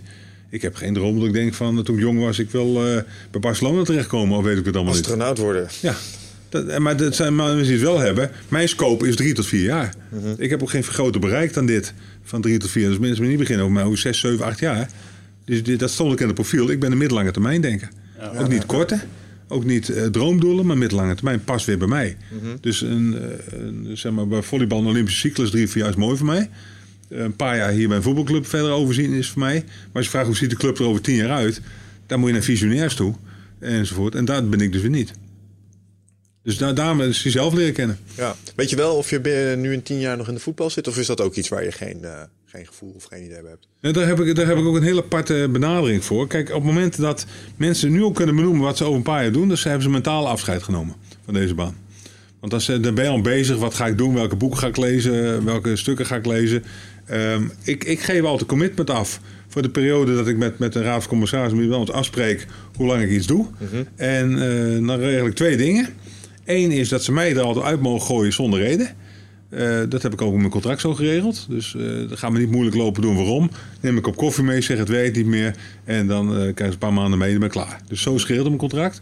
Zo we niet eh, bang zijn voor mij. Ik geef wel mijn commitment af. Dus als zij vinden dat ik nog functioneer, blijf ik zitten. En een half jaar voor tijd heb ik toen bij AZ ook gedaan. Eh, toen zei ik, nou, ik zeg, na twaalf jaar was het wel een keer mooi geweest. Dat heb ik meegedeeld. En daarna ga ik dus pas nadenken over de toekomst. En geen dag eerder. Want dan ben ik dus toch weer over focus gesproken en delen van aandacht. Ben ik toch weer bezig met toch een kleintje mijn toekomst. Dat doe ik dus niet. Hmm. Sterk. Ja, knap, ja. En tegelijkertijd... Maar het is ook niet moeilijk, omdat ik dus niet met droomdoelen werk. Ja. En dat past bij mijn profiel. Ma- Mag ik daar dan wat op zeggen? Want nu zitten een hele hoop mensen te luisteren. En die denken dan, ja, maar Toon, ja, je hebt genoeg geld. Je hebt geen geldstress. Nee, als ze mij goed gevolgd hebben, dan is het zo dat eh, de eerste 20 jaar van mijn leven, ik verdien als volleybalcoach 15.000 euro bruto per jaar. Eh, Meer, meer niet. En dus ik moest een baantje erbij hebben. Ik had HTS verkeerstechniek. Heb ik allerlei baantjes bij de overheid gehad. Eh, 28 uur gewerkt, 25 uur gewerkt. Dus ik heb de eerste 20 jaar van mijn leven. En even zonder over, echt over geld te praten. Maar er stond net voldoende op de bankrekening bij mij. Dat is mijn autootje dat me begaf. Kon ik een heel oud tweedehands autootje terugkopen. En als de machine, wasmachine een keer kapot ging, kon ik het nog vervangen. Dat heb ik dus 20 jaar van mijn leven gehad. En toen ik van volleybalcoach naar het voetballen ging, eh, toen hoefde ik dat niet meer te combineren, die twee banen. Had ik één baantje. Toen eh, verdien ik redelijk, maar ook nog niet eh, dat, dat ik er heel veel overhoud. En de laatste paar jaar heb ik wat meer verdiend. Ja, ja, ja. Dus ik, eh, als ik nu dus eh, zonder baan zou komen zitten, dan kan ik het drie, drieënhalf jaar volhouden zonder baan. En dat heb ik nooit gehad in mijn leven. Dus ik heb het grootste deel van mijn leven niet heel veel verdiend. Maar wel, mijn, wel achterna gegaan. Iedereen raadde me af om volleybalcoach te worden. Want ik kon ontslagen worden, ik kon dit, ik kon dat. Nou, uiteindelijk zit ik nu hier. Maar ik heb met- volleybal elf prijzen gewonnen als coach. Olympisch Spelen gehaald, een paar titels gehaald, andere dingen. Hartstikke leuke tijd. Maar het was geen vetpot. Nee. Nee, en ik ben ook nooit een goede voetballer geweest. En volleybal verdient al helemaal niks. En voor coaches nog minder. Dus ik bedoel, eh, dus, dus, dus met andere woorden, ehm, je kan beter onafhankelijk in denken zijn dan onafhankelijk in geld. Ja. Want eh, te veel geld maakt ook lui. Want dan is een druk eraf. Ja. Ja, ik heb al mijn hele leven, eh, met alles over de laatste paar jaar, van baan naar baan gemoeten. Gewoon om de hypotheek te betalen. En denk je nou ook dat die concessies bijna doen in je verleden, dus in die 20 jaar, ervoor hebben gezorgd dat je nu uiteindelijk dit allemaal hebt kunnen doen? Het, het, het voelt ook wel eens een beetje eh, nu dingen laten schieten voor een langer termijn, zeg maar. Dat is dan misschien weliswaar niet bewust geweest. Ehm, maar het voelt alsof je offers hebt moeten maken en dat die offers over de lange termijn hebben gerendeerd. Ja, zo, zo klinkt dat. Dat, dat klopt, daar heb je gelijk in. Ja. Ik bedoel, eh, t- 20 jaar, als je me dit interview 16 jaar geleden had afgenomen, dan was ik gewoon een volleybalcoach geweest die nog een baantje bij moest hebben en niet precies weet eh, wat de komende tien van zijn leven zou opleveren. Ja. Dus en eh, ik was, eh, ik heb, ik heb prima naar mijn zin en ik heb een mooie tijd gehad. Ik heb de hele wereld gezien. Ik heb in de, in de tweede sport ter wereld was volleybal. Heb ik in de top van de wereld gewerkt. Mhm. Daar heb ik heel hard voor gewerkt. Gewoon trainingscursus gevolgd, toernooien wezen bekijken, heel hard getraind, boeken gelezen. We hadden allemaal geen staf van 20 man, dus ik moest overal in verdiepen. Dus van mentale training tot fysieke training tot periodisering, alles. Nou, dat, dat hebben we ook geen windeieren gelegd. Dus met andere woorden van, eh, ik heb heel veel eh, geïnvesteerd eh, daarin. Het, was, het kostte me geen enkele moeite, want ik deed dingen die ik leuk vond. Dat, dat is weer de overeenkomst waar we het net over hadden. Dus gewoon de, qua timing heb ik ook een beetje ja, zeg maar geluk gehad. Want in die tijd was het Nederlands volleybalteam heren een topteam in de wereld. Dus ik heb echt alles meegemaakt in dat opzicht. Nou, en daarna kreeg ik de kans om dat met voetballen weer te doen. En ja, Louis van Gaal zei het een keer mooi. Die zei van ja, mensen hebben jou de kans gegeven, maar vervolgens heb je het zelf waargemaakt. En dat, zo voel ik dat ook. Dus ik krijg kansen in je leven. En vervolgens moet je zelf vol aan de bak. Want als ik niet zou bevallen, zou ik zeggen: dit was het. En laat me een ander nemen. Ja. Dus je moet zelf knokken en vechten. En ook behoorlijke prijzen wel betalen. Want uh, dat, dat is ook de andere kant van het verhaal. We hebben het over heel veel dingen. Waar we zeggen, ja, dat zou ik graag willen, dat zou ik graag willen. Maar ik ontdek dan dat de meeste mensen de prijs in willen betalen. Ja voor iets wat ze willen gaan halen. Ja, want het is een onderhandeling met de toekomst. En ik moet nu iets neerleggen om over een x aantal jaar dat te krijgen. Maar dat heb ik nog. En ik ben een aap. Dus die lange termijn kan ik niet zo makkelijk in mijn hoofd reëel maken. Dus die pijn van het niet hebben doet veel meer zeer. Op dit moment. Ja, maar het grappige is, als jij over tien jaar hier weer komt. en je doet nog steeds hetzelfde werk. Um, dan ben je te laat. Dan heb je dus tien jaar van je leven vergooid. En tien jaar lang heb je een time management op orde gekregen. Tien jaar lang heb je niet de balans kunnen vinden. En dan ben je beleefd dat, dat je al meer naar je pensioen gaat denken. Dan dat je je kansen benut. Ja, ja, ja. En, uh, en dat soort dingen gooi ik vaak wel eens in coachgesprekken erin. Dat ik mensen, mensen weten even van... als je nog vijf jaar wacht, ben je te laat. Ja. En dan heb je al een prachtige ideeën gehad in je woorden en het gedrag niets waargemaakt of niet de prijs willen betalen. En trouwens, ik zeg ook, luister, waarom zou je dingen willen bereiken in het leven? Doe het vooral niet. Eh, lifestyle, gewoon een beetje leuk. Ga met vrienden wat leuke dingen doen. Je bent toch op weg naar de dood. Dus op het moment dat je dus leuke dingen doet, is het makkelijker in het leven. Oh, dus, uh, dat, is een begin, dat is het begin van nihilisme waar je nu, uh, wat je nu zegt. Ah, het maakt allemaal toch niet uit. Dus zorg maar dat je ja, wat, te doen hebt. Weet maar je de grote middenmoot van Nederland uh, is natuurlijk op die manier. Je kan onderscheidend zijn. Doordat je uit die grote middenmoot komt, je onderscheidt en andere dingen gaat doen. Parttime input is parttime resultaat. Ja, dat klopt. Dus met andere woorden, van, uh, je, moet, je kiest er zelf voor of je dat wil, of je uit die middenmoot. En, en nogmaals, uh, ik durf te vertellen, de meeste mensen haken af om de prijs die ze willen betalen. Ze willen het wel doen, maar, en dan komt er iets. Ja. En die prijs niet betalen. Nou, even goede vrienden, voor mij hoeft dat ook niet. Ik zeg, ik zal het vooral niet doen. Want ga, ga vooral, vooral door. Heb je minder zorgen, minder ellende. Maar zit dan niet als je 60 bent of 55 tegen mij te zeuren dat je meer uit je leven kunnen halen. Wat, wat ik er mooi vind is dat je enerzijds um, wel de lange termijn planning onderkent in zeg maar, uh, wat ik nu hoor omschrijven. En volgens mij ook zo voor jezelf leest. Maar tegelijkertijd hem niet op een nou ja, tijdspad van meer als drie tot vier jaar zeg maar, voor jezelf ja, operationaliseert. Ja. Zo van, ja, grofweg die kant op, maar ja. Beetje, het mag ook wel een beetje die kant op staan, maar niet daarin gaan. Een beetje op, op, dat niveau. Nee, maar ik heb besloten om hier een aantal jaar als algemeen directeur bij PSV te functioneren. Heb ik afspraken over gemaakt. Daar zit al mijn energie in, daar zit alles in. Daar probeer ik een uitgeruste manager te zijn die hoop mensen kan helpen en probeert een bijdrage te leveren aan dat hele verhaal. Ja. En uh, wat er daarna komt. Kijk, eh, er zijn ook twee Premier League clubs die mij een keer gebeld hebben. Nou, dat anders binnen één seconde nee. Hm. Daar praat ik niet eens mee. Maar ik waarom niet? Ik heb hier commitment gegeven. Oké, check. Ja. Punt. Dus uh, ja, maar weet deze kan gaan verdienen. Ik zeg, dat is niet interessant. Uh, u heeft er een gesprek gevoerd, klopt. Maar anders toch nee, dus waarom zou ik een gesprek? Moet ik dan, omdat het interessant is, uh, een gesprek gaan voeren? Ja. ja. Dan roep ik gewoon nee. Sterk. Ja, is dat sterk? Ja. Dat is een interessante vraag. Als je goed over nagedacht hebt wat je wil... Uh, dan, dan zou het andere verhaal, een gesprek wel aangaan. Dat, dat, dat zou echt zwak zijn. Nou, dan kom je dus weer op dat, de binnenwereld en die buitenwereld. Dat als jij in je binnenwereld uh, dat hebt besloten. Maar we leven wel in een buitenwereld waar het één grote kermis is, waar continu meer omzet te halen is. Hogere bonussen, uh, ander werk, andere omgeving, bla bla bla. En ik denk dat het voor sommige mensen op het moment als er maar een knik komt in die emotie of in een, een dagelijkse doen, dan raken mensen daar vatbaar voor. Ja, ik niet. En uh, het is zo dat, uh, kijk, ik zit natuurlijk in een soort prestatiewereld met eromheen een soort, uh, hoe heet het, entertainmentwereld eromheen. Ja. Dat is ongeveer de voetbalsport als je het eventjes kort neerzet. Mm. Um, dus met andere woorden, iedereen zal daar iets van vinden. En ik weet wel in het leven, dat, als je geld tekort komt, heb je een probleem. Dat weet ik ondertussen ook wel. Mm -hmm. Maar als je geen geld tekort hebt, dus zeg nou ja, moet ik er dan nog 30.000 euro per jaar bijzetten of 40 of wat waar ik maar verdient. Ja. ja, dat is dan voor de toekomst. Nou ja, dat zie ik dan wel weer. Hoe, dat, hoe dat in elkaar steekt. En ik heb geen geld tekort. Dus ik bedoel, dus ze halen mij niet met geld over. Nee, dit sluit één op één aan bij wat Kilian zei. dat op een gegeven moment als je hem boven uh, Kilian Wawu uh, weet wel het nodige over centjes. Uh, en die zei ook, ja, luister, als je in Nederland op een bepaald inkomstenniveau komt... 66 was het in, geloof Amerika in dollars. Ja. hier in de EU zal het iets lager of iets hoger liggen. Ja, maar als je dat hebt, dan is de toename in gelukspunten op je rapportcijfer voor geluk de toename is gering als je er dan nog 10, 20 of 30 ja, bovenop gooit. wel in. Dat, dat, doet het niet meer, dat verschil. Maar als je eronder zit, dan zijn de stappen wel heel erg groot totdat je op dat punt zit. Nee, dat kan me voorstellen. Kijk, als je zorgen hebt, dan is het gewoon veel. Want dan, over focus gesproken, dat leidt dan af.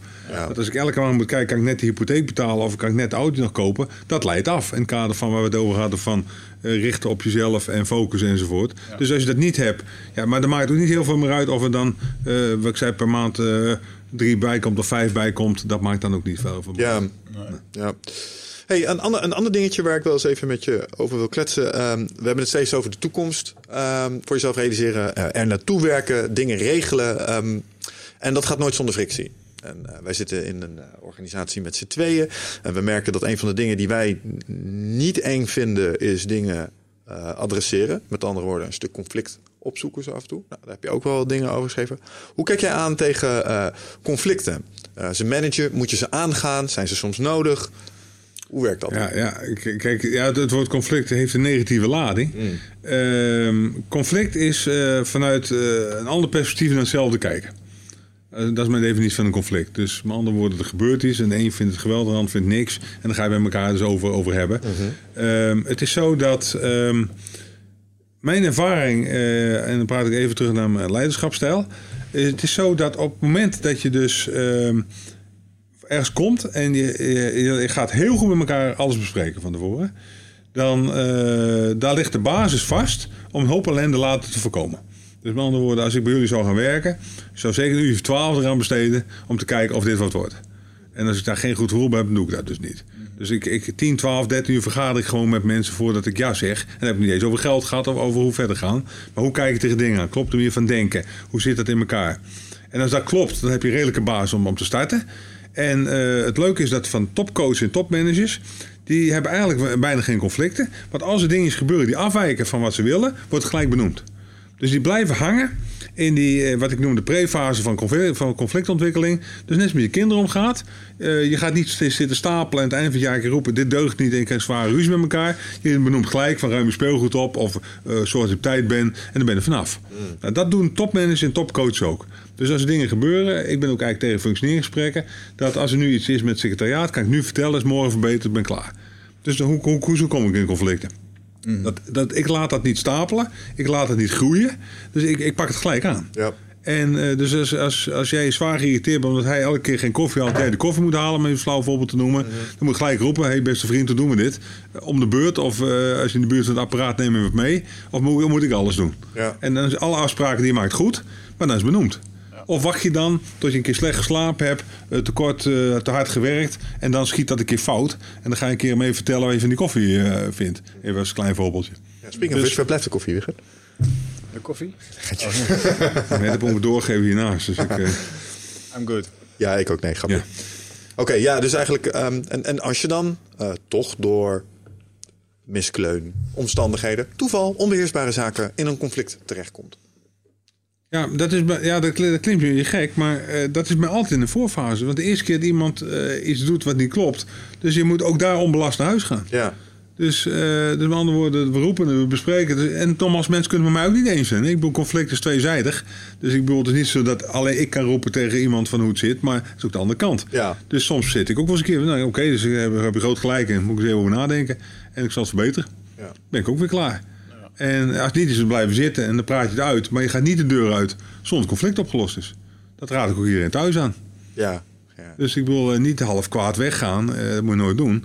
Dan blijf je, kom een half uur te laat werk. Maar praat even uit en, uh, en doe het. Aan de andere kant, ja, als een relatie net als mij van lang stand houdt, heb je al lang dat een keer links en rechts de normen en waarden een beetje helder. Wie wil wat, hoe steekt het in elkaar. En dan krijg ik steeds minder conflicten.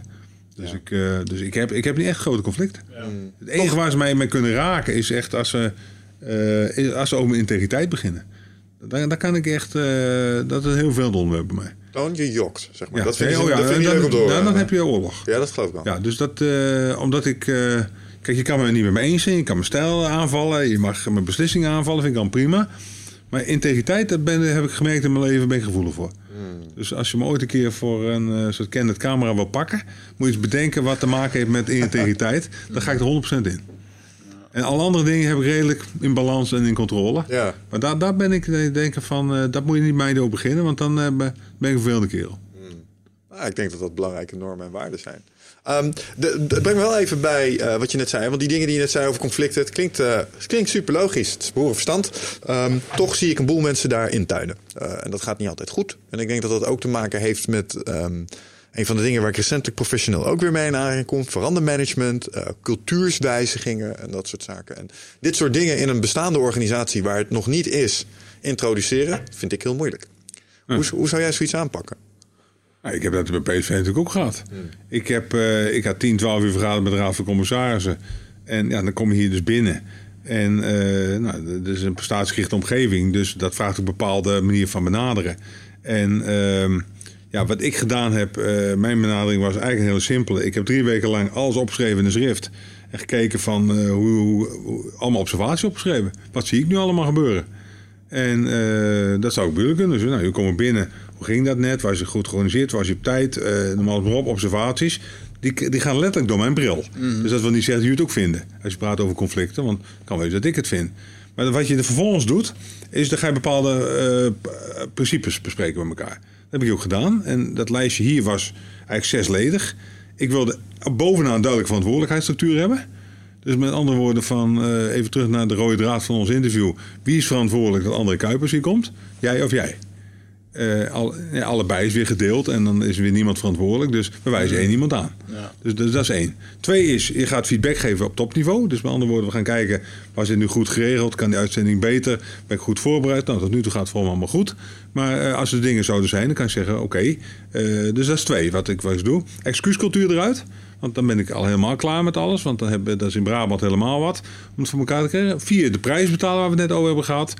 En, stop, stop, stop, even terug naar vier. De excuuscultuur eruit, vooral in Brabant. Kun je daar nog heel even op inzoomen? Ja, nou ja, kijk, het is zo dat als iemand te laat komt, roept ze, ja, ik stond in de file. Okay, dat is ja. een excuus. Of we geven hier de scheidsrechter de schuld uh, van een beslissing. Nou, dan hoef ik met de spelers niet meer te vergaderen. Want we hebben schulden gevonden, de scheidsrechter. Dus dan kom je niet ver mee in het leven. Ja. Dus alle excuses eruit. Blessures is ook een excuus. Dat stellen we de opvolger op. We hebben niet voor niks 20 Ja. man in de selectie zitten. Dus daar moet je niet over zeuren.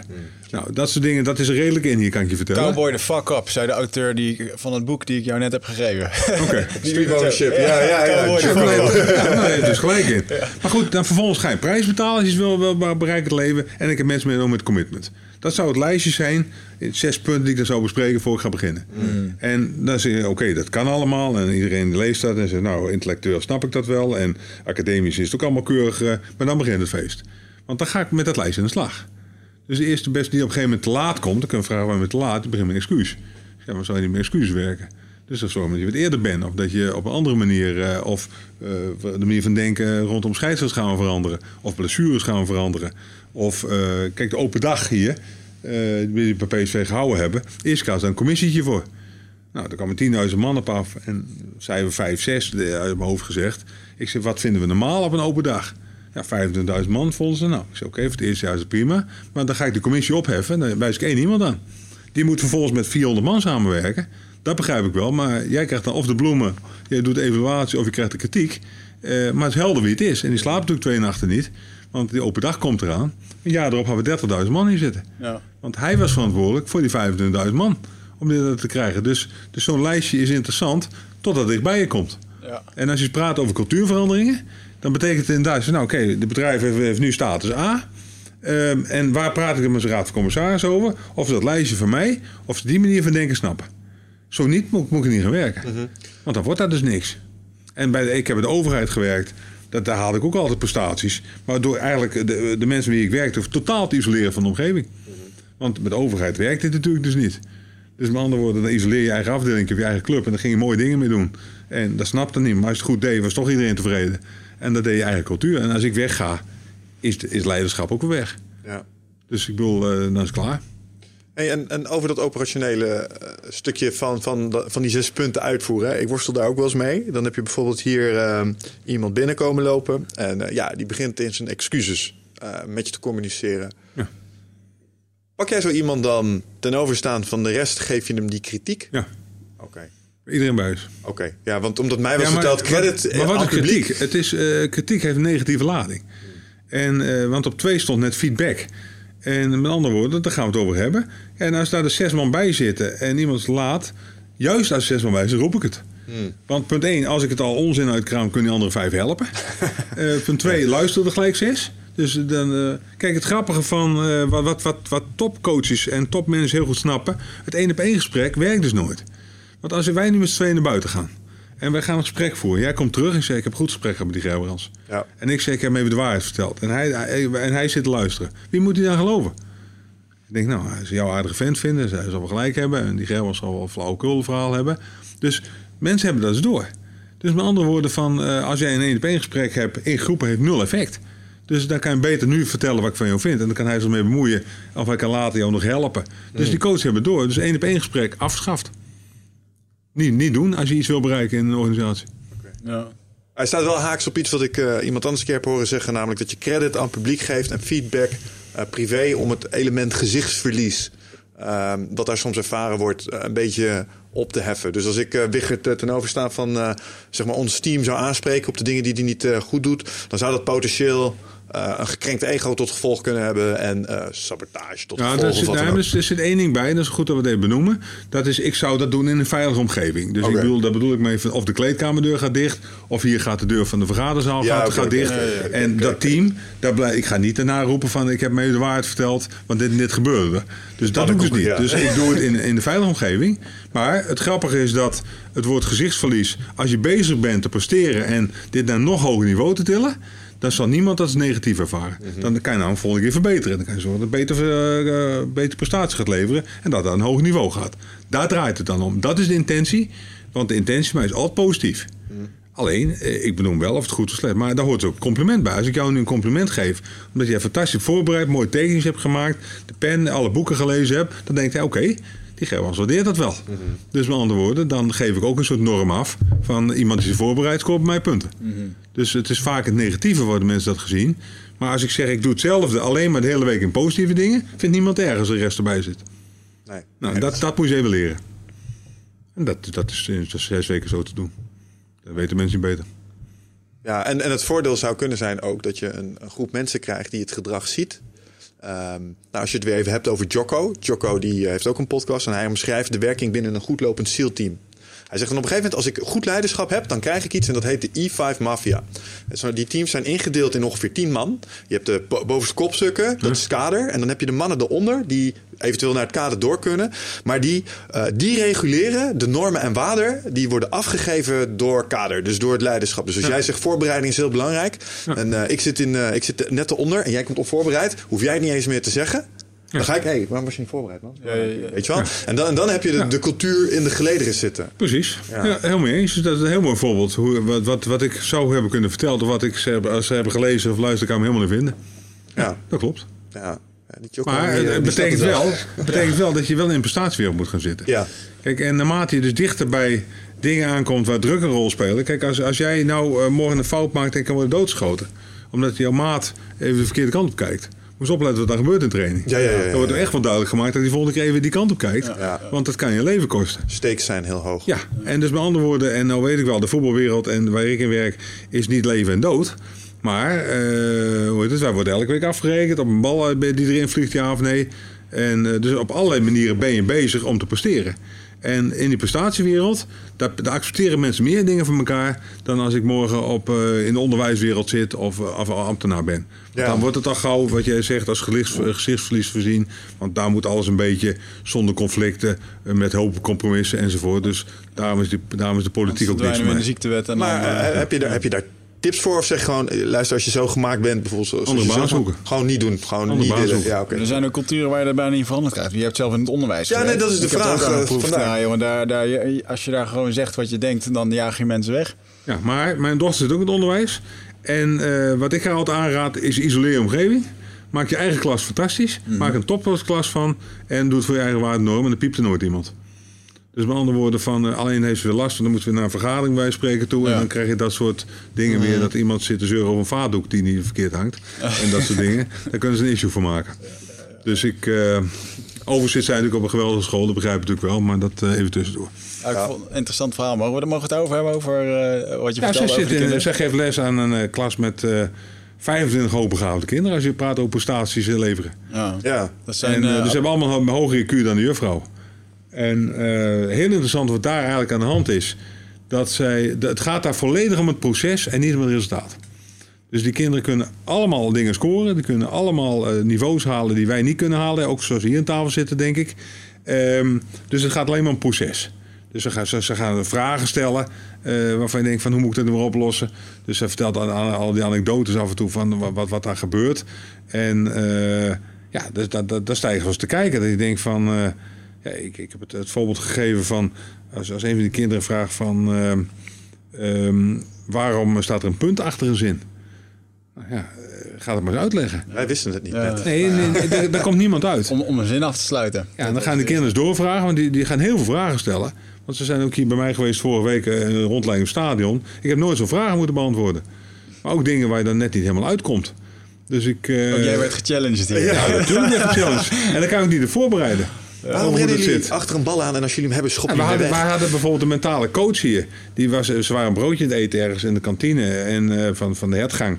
En toen kwam de mentale coach vertellen even wat hij deed en heel de mensen enzovoort. Er ging een keurig uitleg. En hij was klaar met zijn verhaal. De eerste vraag die de kinderen stelden. Als u nu zelf de weg kwijt bent, wie helpt u dan? Ik heb net geleerd dat je er niet op mag lachen, maar... Nee, het is een doodserieuze vraag. het is met andere woorden ik van... reed zo graag net ook, dus. Kun jij dat doen?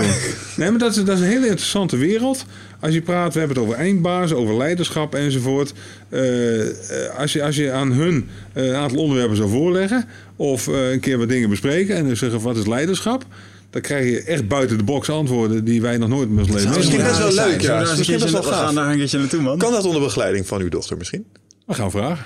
Ik dat denk, lijkt me ik denk dat het makkelijker is om mijn dochter binnen te komen dan bij André Kuipers. Wellicht. Dus ik, eh, Gaan we daar gewoon eens een keertje met die kids... eh, eh, gewoon ervoor Dan mogen ze, ja, ja, om te kijken wat voor een interessante invalshoek dat er vroeger Dan moet je altijd dat even toezien vragen aan de ouders tegenwoordig. Dus dat Ja, dat is komt wel Ja, dat lijkt me logisch. Ja, maar dat geeft niks. Dus ik, Ze mogen er zelfs bij zitten als ze het leuk vinden. Dus eh, nou ja, dat is, dat is ook Ja, interessant. ja, Zij ja. werken elke dag met die kinderen. daarom. Ja. Mini-eindbazen noemen we het dan. Ja. Nou, Nou, hoogbegaafdheid is ook... het eh, grappige is dat ik wil er één ding over vertellen. Wij moesten op een gegeven moment, ehm, eh, mijn dochter die, eh, en mij hadden ze gevraagd om een lezing te geven voor in het Beatrix Theater voor 1400 leraren, voor onder- onderwijzers, dus haar collega's. En ze had nog nooit een lezing gegeven.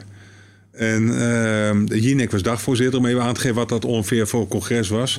En ehm, toen had zij de kinderen gevraagd van ik sta straks op 1400 van die eh, leerkrachten. Heb je nog een paar tips die ik dan kwijt kan raken aan al die onderwijzers? En ze hadden vier tips. Tip 1 was de onderwijsinspectie afschaffen. Want ehm, daar hebben we alleen maar last van. Want als eh, de onderwijsinspectie langskomt, is de hele school zenuwachtig en hebben we last van. Hoe, hoe, hoe kunnen kinderen van acht, dus acht jaar of zo? Acht En ze zijn, deze zijn 10, 11 jaar. Dat is hoe wel kunnen, een hoe, die- het woord onderwijsinspectie kwam bij mij niet eens in me op toen ik. Dit zijn hoogintelligente mensen. Ja, Deze deze zijn twee keer 100% wikker in hun hoofd. Ja. Dus dat is, eh, dat is tip 1. Tip 2 was van eh, stop even met verkleinwoordjes. Want wij zijn eh, volwassenen met een jonge leeftijd. Drie is eh, luister naar ons. Wij kunnen de onderwijzers ook nog wat leren. En vier is alle onderwijs moet naar een cursus humor. Want dan hebben wij het wat leuker op school. Het is goud. Het is gewoon goud. Ze hebben natuurlijk gelijk. Ja. Als je goed over nadenkt wat ze eigenlijk voor boodschap uitstralen. Hoe moet dat zijn? Wij zijn volwassenen in een klein lichaam. Ja. Dus Stel je voor dat je, dat je nu weer terug in je, in je achtjarige lijf zit... en dat je ook als dus wordt behandeld met, met wat je nu kan en weet. Hoe frustrerend moet dat zijn? Maar ze pakken je op alle gebieden bij wijze van spreken qua IQ in. En dan gaan wij ze met een verkleinwoordje aanspreken. Ja, ja, daar hadden we het net ook even over. Dat mochten wij ook niet meer doen. Nee. We onze vriendinnetjes hadden. Nee, maar ik, ja. ja, het is wel bizar. ja. Ja, maar het is, een hele, Maar jij- het is een hele interessante wereld. Was, was voor mijn dochter nieuw, was voor mij nieuw. Dus je, je leert ook vanuit die wereld weer. Dat is weer interessant om in, in, in, in mensen te interesseren. Over hoe denken zij? Hoe denken ze over zaken? Hoe denken ze over de toekomst? En, eh, en eh, kijk, je moet ze uitdagingen geven. Dat is mij wel helder En geworden. denk je dan dat deze, want eh, hè, we zeggen wel eens in, eh, in spirituele termen dat een ego zich ontwikkelt vanaf 6, 7 jaar. Eh, deze kinderen zitten dan nog, praten ontzettend vanuit hun gevoel met een onwijs hoge intelligentie. Ja. Dat is goud. Ja, ja, want er zitten geen filters in. Ja, en geen, nog geen bevlekkingen en dingen. En, en de combinatie, moet ik eerlijk zeggen, is ook zo dat Hier zitten ze allemaal bij elkaar in het midden van het land. En, eh, want je hebt wel eens een, een hoogbegaafde in de klas zitten. Want zij is ook gewoon onderwijzeres geweest zeg maar, met eh, de normale school. Ja. Eh, acht jaar. En er zat wel eens één bij. Die dan, dus die moest je even apart benaderen en zo. Maar hier zitten ze 25 bij elkaar. Ja, wij hadden er eentje van een jonge Tim. Die zat in de klas. Fotografisch geheugen en zo. En die verveelde zich. En eh, die kreeg aparte uren. Haal ik niet hoogste cijfers dan als ze niet worden uitgedaagd. Ja. Dus hoe zorg je ervoor dat er continu uitdaging in zit? En, eh, maar ook, ja, je wordt dus, eh, je hebt het net over challenge enzovoort. Als onderwijzeres word je ook elke dag gechallenged. Elke dag gebeurt er iets Ja. waar je niet voorbereid bent. Heerlijke omgeving voor haar. Nou, daar moet je wel even wennen. In, in het begin moest zij eh, echt wennen aan alle vragen die er kwamen. En Ja. hoe mensen elkaar staken. En voor mij is het nu redelijk allemaal goed in balans. Ook, ook die kinderen en interesse in mensen te tonen. En wie ze zijn en hoe ze over bepaalde dingen denken. En ik moet eerlijk zeggen, ik heb die klassen vaker gehad die dan op bezoek kwamen. Dan moest ik de bus betalen en dan kwamen ze een keertje kijken waar, waar ik dan werkte. Dat is een leuke omgeving. Maar hele gedisciplineerde klas, moet ik eerlijk zeggen. Ook, maar, maar, maar alleen maar vragen stellen. Dus op een gegeven moment moet ik stoppen en zeggen, we gaan naar het volgende ding. Want eh, ze blijven vragen. Waaruit ontstaat discipline volgens jou? Eh, als je weet waar je heen wil. Verder niks. Deze kinderen weten ook waar ze heen willen. Nee. Nee. Dus, dus met andere woorden van... ehm, eh, kijk, het grappige is dat als je ze gaat vragen waar ze in geïnteresseerd zijn... Er zijn ook kinderen bij, hoorde ik wel van mijn dochter... die het fantastisch vinden om een musical te schrijven. Nou, en als ze dan klaar zijn met hun werk, kunnen ze daar wat tijd aan besteden. Dus, dus, eh, dus je moet er ook interesse tonen. Je moet hun vragen wat ze willen. En, eh, en de ene die wil wel een app maken en de ander wil wat dat. Iedereen heeft zo zijn eigen ideeën over wat, wat ze willen. Ik voel me ineens En zo'n dus- underachiever, dus- jongen. Op je tiende al een musical willen schrijven. Dus dat is het doel. Dus, ah, d- dus daarmee creëer je discipline. Dus je vraagt, je wil graag een musical schrijven. Oké, dan maak je eerst je huiswerk. Kun je er dan aan werken. Precies. Ja. En dan heb je tijd over, dan ga je aan de slag. Ja, dit is goud. Discipline equals freedom. Ja, Zijn we weer bij Jocko. Maar voor hetzelfde geld hebben ze even eh, afleiding. En eh, dan kan het wezen dat ze een testje niet halen. En daar hoef je niet druk over te maken. Want ik zei net, het proces is belangrijker dan het resultaat. Is dat bij deze kinderen ook zo? Omdat ehm, als ik hoor hoogbegaafd, en ik weet niet of dat terecht is, nou, misschien is dat een stereotype, dan denk ik ook direct aan eh, autisme of relatief hoger scoren op, Ja. op dat spectrum. En ik weet niet helemaal wat, wat Asperger is, maar dat is ook iets wat naar boven komt dobberen. Dat is volgens mij ook bovengemiddeld intelligent. En, eh, Ja, maar wat, wat ik daar geleerd heb, en dat heeft zij verteld aan die 1400 leraren op dat congres. Er zijn zes vormen van hoogbegaafdheid. ja. Messi is ook hoogbegaafd, motorisch. Dus die doet doet dingen die de rest van de wereld niet kan. De wereldkampioen sprint is qua spieren hoogbegaafd. Je hebt mensen sociaal hoogbegaafd zijn, sensitief hoogbegaafd. Schilders, die de schilderijen kunnen maken, zijn creatief hoogbegaafd. En IQ. Dus maar één van de zes. Dus waarschijnlijk hebben jullie ook nog ergens, eh, zonder dat ik jullie heel goed ken, in een van die zes gebieden iets dat je denkt van nou, daar blink ik toch wel een beetje uit. Of het sensitieve, of het sociale, of op een andere manier. Dus die IQ wordt er alleen maar uitgelicht. Maar er zijn ook kinderen sensitief voor begaafd. Die echt eh, aan jou kunnen zien van dat je twijfelt met je vraag. En dan zitten ze te kijken oké, hij twijfelt hè. En, eh, dus dat is ook een vorm van hoogbegaafdheid. Maar ik vertelde net, toen ik vertelde van waar ben ik dan goed in, dan was het verhaal sensitief bij mij. Is, dat, heb ik, eh, dat wist, ik, oh, wist ik al voordat zij bij die klas zat hoor. Maar dacht ik, nou, daar, daar zit wel iets bij. Ik, op een gegeven moment voel ik wel aan dat ik even daar moet gaan kletsen en even ga het gaan doen. Dus iedereen heeft wat verschillende gebieden. Dus met andere woorden, eh, ja, eh, een voetbal die hoogbegaafd is, hoeft het qua IQ niet te zijn, maar motorisch wel. En eh, dus ik heb dan wel geleerd dat hoogbegaafdheid, dat je het echt moet knippen. En dat alleen de IQ is maar een heel beperkt iets. Ja. Want je moet vervolgens wel weer op de trein gaan stappen en je moet ergens heen. En eh, sociaal moet je ook kunnen begeven. Op een bepaalde manier. Hoe ga je met feestjes om en hoe ga je met andere zaken om en luister je naar andere mensen. Dus, dus er komt veel meer bekijken als alleen maar dat hele simpele IQ. En heeft zij ook eh, alle zes eh, van, van, van die categorieën in haar klas? Of zijn dat toch wel de zitten- nee, ik begin te lachen. Ik heb dat ook gevraagd. En het is zo dat er zijn wel een paar die er wel op twee of drie gebieden hebben. Oké. En dat is wel heel bijzonder. Dus die en creatief zijn en sensitief en IQ. Ja, dan, dat zijn er maar één of twee hoor. Ja. Dus die, eh, Zijn, Kunnen, eh, kunnen deze mensen nou bovengemiddeld ook ehm, uitblinken in de maatschappij? Of hebben ze toch eigenlijk hierdoor ook al een soort achterstand? Hoe, nee, hoe- nee, hetzelfde verhaal wat, wat ik net vertelde. De laatste dingen doen we ze goed in zijn. Ja. En als je op de goede plaatsen zet, gaat het hartstikke goed. Ja, als je die in een normaal of een, een, een systeem probeert te duwen, dan, eh, dan gaan ze depressief. eh, Nee, dat snap ik wel. Maar als ik dat Maar probeer... mensen, volwassenheid die- in. laat deze mensen los in een innovatieve wereld. Ja. En die hebben de meest mooie dingen. Dus ASML en al dat soort mensen die zullen blij zijn. En uh, nogmaals, sommigen hebben er aanleg voor, sommigen weer op andere gebieden aanleg. Dus het is heel wisselend. Sommigen zijn heel goed in dingen onthouden. En sommigen zijn heel goed in, uh, in, uh, in context en patronen maken. Ja. En dus, dus ik heb hier de, de, de baas van de Design Week een keer gehad. En die zei, luister, voor mij zou het geweldig zijn om die echte, echte uitvinders die wij kennen... te combineren met eens een keer zo'n klas die dus even feedback gaat geven. Dus er zijn zoveel kansen waarop je dit soort... Uh, want zij denken op een hele andere manier als wij. Ja. Dus als je het een paar bij had gezet, ja, dus dat is een keer een andere wereld weer. Van een soort Shark Tank voor concepten, ja. van, uh, gedaan door hoogbegaafde kinderen. Die compleet, uh, zeg maar, ja. Zonder enig vooroordeel een idee zeg maar, in dat geniale brein van ze kunnen laden. Ja. En, en, dan gewoon echt ongezouten feedback geven. Ja, een van die kinderen, ik heb die, want ze zocht een keer een uitdaging. Een van die kinderen is nu voor mij het nadenken over de kleedkamer van de toekomst. Wow, ik weet niet hoe het afloopt. Maar de, ze, ze zocht een onderwerp dat met voetbal te maken had. Daar hebben ze het over gehad. En die jongen nu mee bezig. Ik weet niet wat eruit komt. Ja. Maar die is daar nu over het nadenken voor mij. Interessant. Ja. Ik geen flauw idee wat eruit komt. Het is in dat opzicht ook gewoon eigenlijk net voetballen. Hè? Je moet de mensen gewoon op het veld zetten waar ze zeg maar. Ja, maar daar zit ook een soort van begaafdheid in. Ja. Alleen dat wij, wij, wij, wij meten het alleen maar af in IQ en dat is dus fout. Heb je, je hebt zelf ook kinderen die nu naar school gaan. Hè? Um, hoe kijk jij tegen dat uh, schoolsysteem aan? Totaal achterhaald. Dus ik bedoel, ik heb uh, wiskunde in mijn leven gehad. Kansloos uh, dat ik dat gedaan heb. Ik, heb, ik heb nooit meer een loodlijn neergelaten. Ik heb nooit meer sinus berekend. Ik heb integralen berekend. Ik heb logaritmes. Alles gedaan in mijn leven. Natuurlijk ook eens een kansloos vak. En uh, het is zo dat... Ehm, interessant is dat eh, ik, ik, ik kwam laatst een onderzoek tegen van het World Economic Forum. Die onderzoeken dan welke skills jij nodig hebt in 2020 om te overleven. Dus elke vijf jaar wordt dat onderzoek bijgesteld.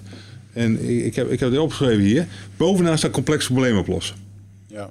Dat is één. Dus je zou kunnen zeggen, ik, ik, geef mensen wat wiskunde, maar niet omdat ze uh, dat moeten leren. Maar het kan ook een ander vraagstuk zijn wat, wat, ze zouden, wat ze zouden willen. Kritisch denken stond op twee.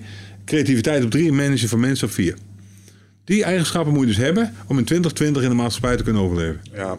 Veel succes. Ja. En dan leer ik geschiedenis op school. Ja. En aardrijkskunde. En maatschappijleer. En, uh, dus het curriculum moet over de kop. Ik vind die tweede, de complexe problemen oplossen. Uh, dat is tegenwoordig uh, door de power of Google is dat goed te doen. Maar ik vind die tweede vind ik nog het mooiste. Het kritisch denken. Want er is zoveel meuk online aanwezig. Neem bijvoorbeeld sport alleen al. Snap je? Sporten, vitaliteit. Als je daarop gaat googlen, ja. je komt zoveel dingen tegen waarvan de helft. Kijk, als jij, als jij uh, super gestrest bent en je wil graag uh, verbetering voor jezelf realiseren en je gaat googlen daarna, dan kom je soms ook op websites waar mensen je allerlei uh, gemagnetiseerd water gaan aanbieden. Of kristalletjes ja. of wat dan ook. En dan is kritisch denken plots wel heel erg makkelijk. Nee, maar als je nou op school... Maar, maar, ik heb een leuk voorbeeld van... Mijn dochter zat in die vorige school.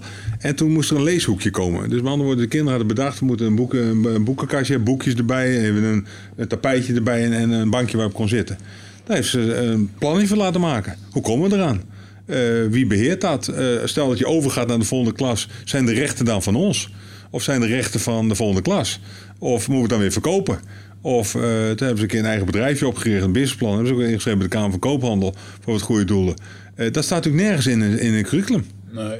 En uh, als, je, als mensen het horen, krijgen ze op sodemieter ook. Want dan heeft ze zich afgeweken van, van hoe, hoe het zit. Ja, maar luister eens, als ze dit met ons hadden gedaan toen wij nog nou, eind basisschool, misschien, misschien brugklas. Was de Bruna nu van ons?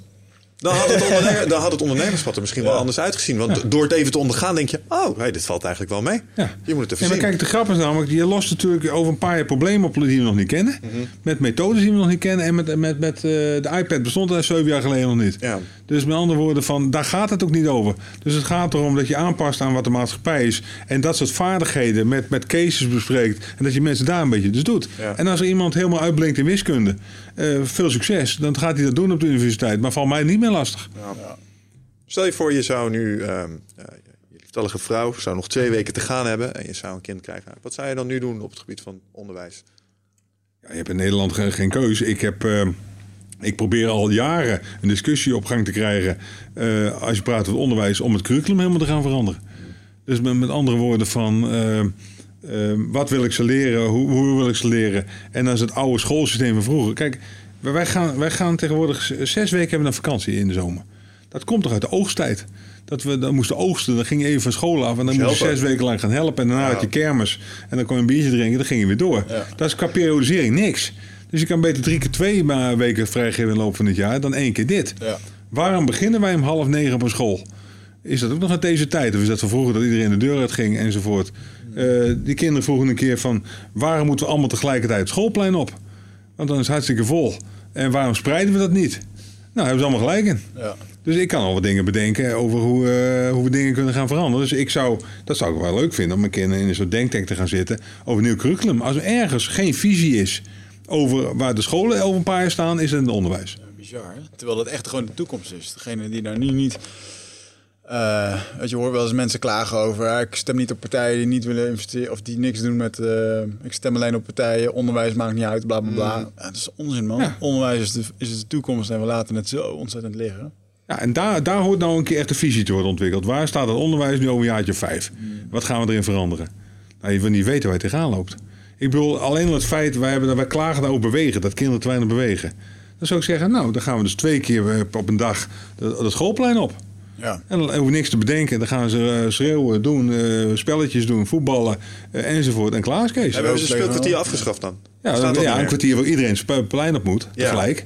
Dat klagen de kinderen ook over.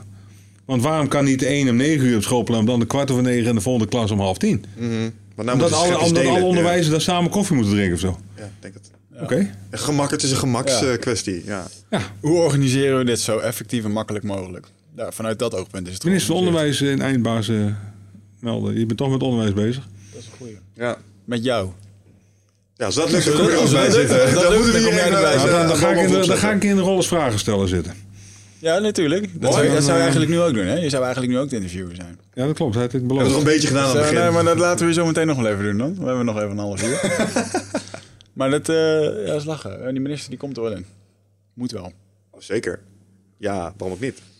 Nou, eens. En eh, weet je al een beetje hoe je het gaat doen? Want deze vraag was... eh, die wordt binnenkort papa. Dus. Wat ga jij doen hiermee? Met onderwijs. Ja, weet je het al? Nou, eerst anderhalf jaar blijft het in ieder geval gewoon lekker thuis. Dan. Nou, in de zin van, we hoeven het niet naar een crash te doen. We willen het niet naar een crash sturen. Omdat je dan, eh, ja, dan wordt het gewoon daar neergelegd tussen twintig kinderen. En eh, ik ben van mening dat het eerste anderhalf jaar belangrijk is. Ik heb wel eens een keer deskundige gesproken. Toen ging het over opvoeden. En toen zei die man, zei, je denkt niet ouders opvoeden? Wel, vroeg hij mij. Zei, luister, acht uur per dag slapen die kinderen. Acht uur per dag is iets ouder, dan gaan ze naar school. Dan gaan ze met een vriendje lopen spelen. Dan kom jij weer te laat thuis. Je hebt drie uur om op te voeden. Ja, Die zei, je moet een goede onderwijzeres zoeken. Die heeft meer invloed op de... En het enige wat je, waar je geslaagde vader of moeder in bent... is als je het eindwaarde norm meegeeft. Verder, meer lukt je niet. Alle andere dingen worden besloten om je heen. het is daarom ook moeilijk om te zeggen van, wat- ga je ermee doen? Want ja, weet je, het is nog jong. Wanneer gaat het naar school? Wat voor school? Ja, Ja, Mag ik weet nog- het. heb ik gelukkig nog even tijd om over na te denken. Eh, er zijn wel wat nieuwe initiatieven die gestart worden. Heb je er ook wat smaakje? Maar ik denk dat het... of trouwens, ik had er laatst wel een goed gesprek over met eh, de kindercrash waar we het uiteindelijk heen gaan brengen. Het is mooi, echt lekker in de natuur bij ons. Kunnen ze lekker beestjes voeren en zo. Leren ze ook met dieren omgaan. Super mooi. pas een anderhalf jaar. Waarom, die niet, mevrouw die waarom, niet, waarom niet vier jaar gewoon naar school? Nou, is vier jaar binnen.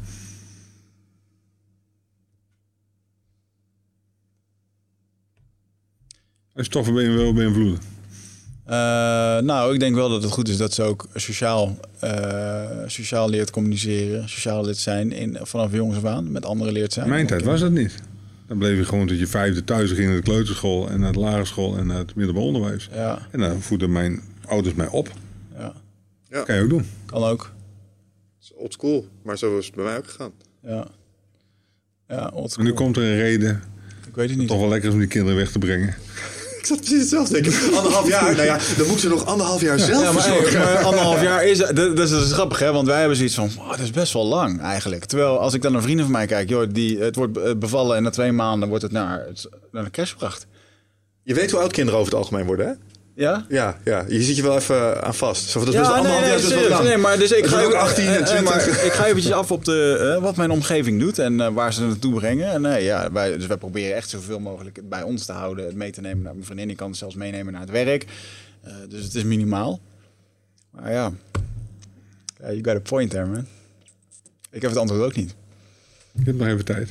Maar wat ik wel een interessante vond, was dat de dame die bij ons in de kindercrash zat en het eh, zei, eh, voormalig eh, eh, psychologe voor kinderen, die zei: Je moet heel goed kijken bij een kind eh, wat goed bij hem past. Want je kan heel goed al bij een kind zien in vroege leeftijd of dat hij bijvoorbeeld van regelmaat houdt of dat hij van schema's houdt. Ja, dan is een vrije school niks voor zo'n kind. Hmm. Dus Ja. dan kan je hem naar een andere school, een ander soort school. Dus daar kan je wel heel erg op sturen. Hebben wij het perfecte onderwijssysteem? Nee, ik denk het zeker niet. Ik ben wel heel erg fan van dat Zwe- Zweedse systeem. Hè, waar ze lekker van naar buiten kunnen, lekker in de natuur. Eh, volgens mij hebben ze daar maar twee uur per dag echt school. En de rest mogen ze lekker doen wat ze willen naar buiten. En- Dus? Dus, d- dus dat, is het, dat is voor mij de nummer één, dat zou voor mij het nummer één eh, onderwijssysteem zijn. Dus je gaat naar Zweden. hebben we het over gehad? Hebben we het over gehad?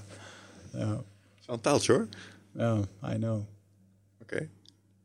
Ja. Nee, maar het grappige is dat, we hadden het net over hoge graven die alles ter discussie stellen. Je ziet dus hoe in de loop van de tijd het dus al veranderd is. Dus dat ik bleef gewoon thuis en al mijn generatie bleef gewoon thuis. En hier verdedig je al als je twee maanden eh, je kind langer thuis houdt. En eh, terwijl, dus- terwijl ik de vraag stel van, eh dat zou een hoop gaven kunnen vragen van, waarom niet gewoon vier jaar thuis? Ja. Dan heb je meer invloed. En je wil graag opvoeden. Veel succes. En dan gaan ze naar de kleuterschool toe. Dan gaan ze ook sociaal doen. Ja. Of zijn wij fout opgevoed? Nee, En- ja, en je onderschat de impact al van bijvoorbeeld eh, dingen als YouTube. Als ik naar mijn neefjes kijk, eh, de jongste die is pas net na het basisonderwijs, maar die zat het jaar daarvoor ook gewoon al op YouTube allerlei dingetjes te kijken en dat soort dingen. En dan leren die van alles. En die, die halen hun kennis over. En dat is omdat het een onderwerp is wat ze interesseert. Ehm, maar die bijvoorbeeld, die puzzelen zelf helemaal uit hoe ze games moeten spelen en hoe dat werkt. En dan kijken ze op YouTube en dan gaan ze dat zelf proberen. En als ze er echt niet uitkomen, wordt oma Michel even gebeld. Maar Waarom zouden ze aardrijkskunde leren? Ja, oh, maar ik- dan nou, geef ik echt het antwoord dat mijn moeder op dit soort vragen eh, gaf. Eh, ja, is goed voor je algemene ontwikkeling. ik denk dat dat ook wel waar is trouwens. Nee, dat is niet waar.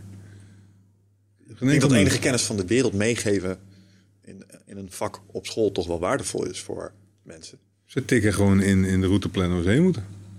Ja, maar nu heb je het misschien over topografie. Ja? Maar bij, Dus bij aardrijkskunde heb ik ook dingen geleerd over landbouw. En, Ja, eh, wat over, heb je aan gehad in je leven?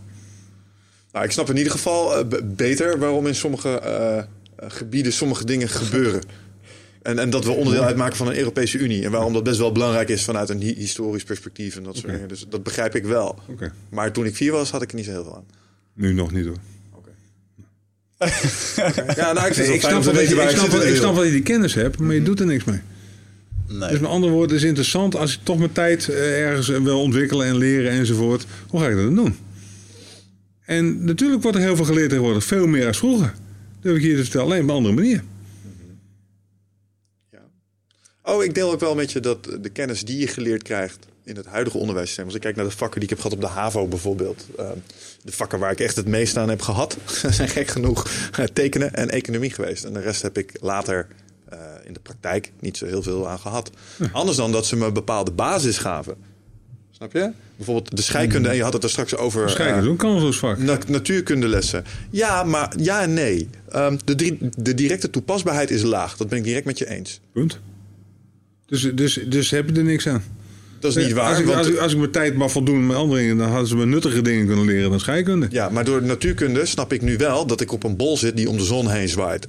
En dat ik niet op een platte aarde leef. En die kennis is belangrijk, vind ik. Ja. En die moet je wel meegeven aan de volgende Dat generatie. kan. Nou, dat is een half uur les. Ja, dat is wel weer zo. Nee, Ik probeer een beetje te stoken in dit hele Nee, ik verhaal. snap het maar, wel, maar- eh, ik vind dat we er wel over moeten nadenken. dat we denken van, klopt het wat we doen? Waar we steken onze tijd in? Eh, is het allemaal waar wat we, wat we zeggen? Eh, dus met andere woorden, ook dat zijn een paar conventies die je uit de discussie stelt. Ja.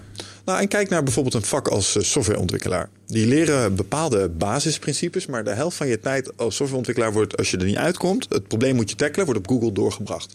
Snap je? Dus die kennis die is gewoon aanwezig en de oplossing is, maar het is het zoeken en het, het stukje kennis vinden en dat toepassen op jouw probleem, zeg maar. Ik snap dat er softwaremensen moeten zijn, maar valt mij het ook niet meer lastig. Nee. Nee, maar het punt Er zijn een aantal mensen die het heel goed kunnen en die de, de lossen mij dingen op. Ik weet niet, als het Word-programma vastdraait, dan is er vast iemand die dat bij eh, Microsoft weer oplost. Ja, maar ook al is het geen. En alle fouten worden tegenwoordig doorgegeven en eh, dus daar leren ze weer van. Ja, maar dat wat waar is voor softwareontwikkeling is tegenwoordig waar voor alles, is wat ik pro- probeer te zeggen. Dus je kunt gewoon met je. Met je, eh, je hebt elke expert ter wereld aan je fingertips. Dus het is een kwestie van de juiste mensen te zoeken. om Precies, je en die experts die moeten vooral eh, heel veel dingen doen. En ze zijn heel belangrijk in de maatschappij. Ja, heel belangrijk. Maar moet iedereen het dan leren? Dat is een Nee, interessante dat vraag. denk ik niet. Want we horen net al bij baby's dat ze gaan kijken van... zijn ze geschikt voor een vrije school, ja of nee? Nou, dat, gaat, wel- dat gaat wel heel erg ver. Vind je dat terecht? Nee. Dat kan niet, wat jou betreft. Ja, kijk, het is zo dat eh, ik denk dat, eh, dat je meer als ouder moet opletten of de vrije school bij je past dan de kinderen. Hey, maar, maar, maar nu, maar nu komt het, hè, als het gaat over eh, kijken naar gedrag, en observeren, dat daar wordt geobserveerd hoe dat kinderen reageren op bepaalde dingen. Ja. Als het over met stickertjes plakken, dan gaan ze dit doen, een ander stickertje, dan gaan ze dat doen. Dus het stickertje staat aan een bepaalde activiteit. Sommige kinderen hebben er heel veel rust bij. Anderen raken gestrest als ze die sticker niet hebben. Ja. Nou, dat geeft voor hun aan dat sommige kinderen beter om kunnen gaan met structuur of niet. Maar we hadden het net over MBTI. En dat twijfel we dan een beetje in hokjes duwen. Ja. Dus laat staan op welke leeftijd een karakter wordt gevormd. Ja. En ja, dan moet ik even in psychologie een beetje duiken over hoe dingen in elkaar steken. Maar die dingen als van nieuwsgierigheid en jezelf kennen, waar we het net over hadden, dat zijn interessante dingen voor school. maar in een omgeving waar je zegt van nou, dan ga ik eens wat, wat leren. We hebben het daar met meneer Dick Swaap over gehad, de neurowetenschapper. Eh, er een hele hoop in de baarmoeder is al bepaald. Ik bedoel, eh, uiteindelijk wordt het gewoon, eh, het is een, Genetica bom. dat is een Ja, genetica ja. bom. En die wordt bevlekt door al onze shit van de ouders die wij er, eh, wat wij allemaal verkloten. Ja. Eh, de dingen die anderen doen. En Ik heb ook een keer een college eh, bij mijn bui geweest om eens even te luisteren. Ja. En natuurlijk, daar zijn ook weer mensen die wat anders van vinden in het leven. Dus eh, hij heeft een bepaalde manier en anders gezegd, de, de, het, de, de- het leven is wel maakbaar en het karakter is ook maakbaar. En volgens hem, het grootste deel niet. Nee. Nou ja, dus met andere woorden, je wordt geboren met bepaalde eigenschappen. Jij denkt wel dat het maakbaar is? Nee, voor, voor, ik, wat ik wel geleerd heb is, ik, ik ben echt, kijk, je krijgt mij niet met een cursus met introvert. Of, of ge- ongeordend, of weet ik het allemaal niet. Dus ik geloof wel dat bepaalde dingen zijn. Wat ik wel heb ervaren in mijn leven, is eh, dat je strategieën kan leren. Door het soms even slimmer te doen. Ik denk, dat heb ik niet helemaal slim gedaan. Of dit is het effect wat ik heb op mensen door mijn gedrag. Dat kan ik beter even slimmer doen. Ja. Dus strategie is aanleerbaar. Ja. Ja, Maar jouw intuïtie, waar we het over hadden, kan ik je niet afleren. Maar ik denk dat mensen veel minder, veel te weinig in aanmerking komen met strategieën. Dus even erboven kijken. En dan wordt eigenlijk alleen maar gezegd wat je op dit moment moet doen. Waardoor je continu in dat... Ja, ervaring is veel fouten maken, dezelfde fout maar één keer. En dat, dat is een vorm van strategie. Denk, ja, dat heb ik niet slim gedaan. Dit was iets te kort de bocht geroepen. Dus als ik mezelfde boodschap weer wil kwijtraken, doe het dan even slimmer. Waardoor het effect al niet gelijk is dat ze de gordijn ingaan. Dat is Ja, strategie. er- ervaring en training zorgt voor kunde, uiteindelijk. Ja, Denk ik ook. ja, dat klopt. Ja, het is een onderwerp dat ons altijd wel gefascineerd heeft. In, in hoeverre zeg maar, jij nog verantwoordelijk kunt zijn voor wat je kiest als je al die dingen van meneer Swaap namelijk omarmt. Dan is er bijzonder weinig bandbreedte nog over voor eh, de keuzes die je zelf echt maakt. Ja. Tegelijkertijd geloof ik dat wat je zegt klopt.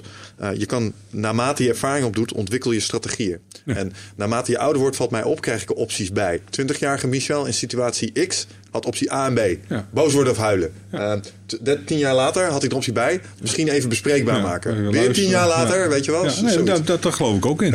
En ik geloof ook wel in dat een aantal dingen dat ik die niet kan veranderen. Dus, eh, dus wat ik zeg, je moet ook een beetje jezelf leren kennen na een tijdje. Denken van nou, dit ben ik en daar moet ik Ja. beetje slim mee omgaan. Je moet steeds meer op jezelf gaan lijken.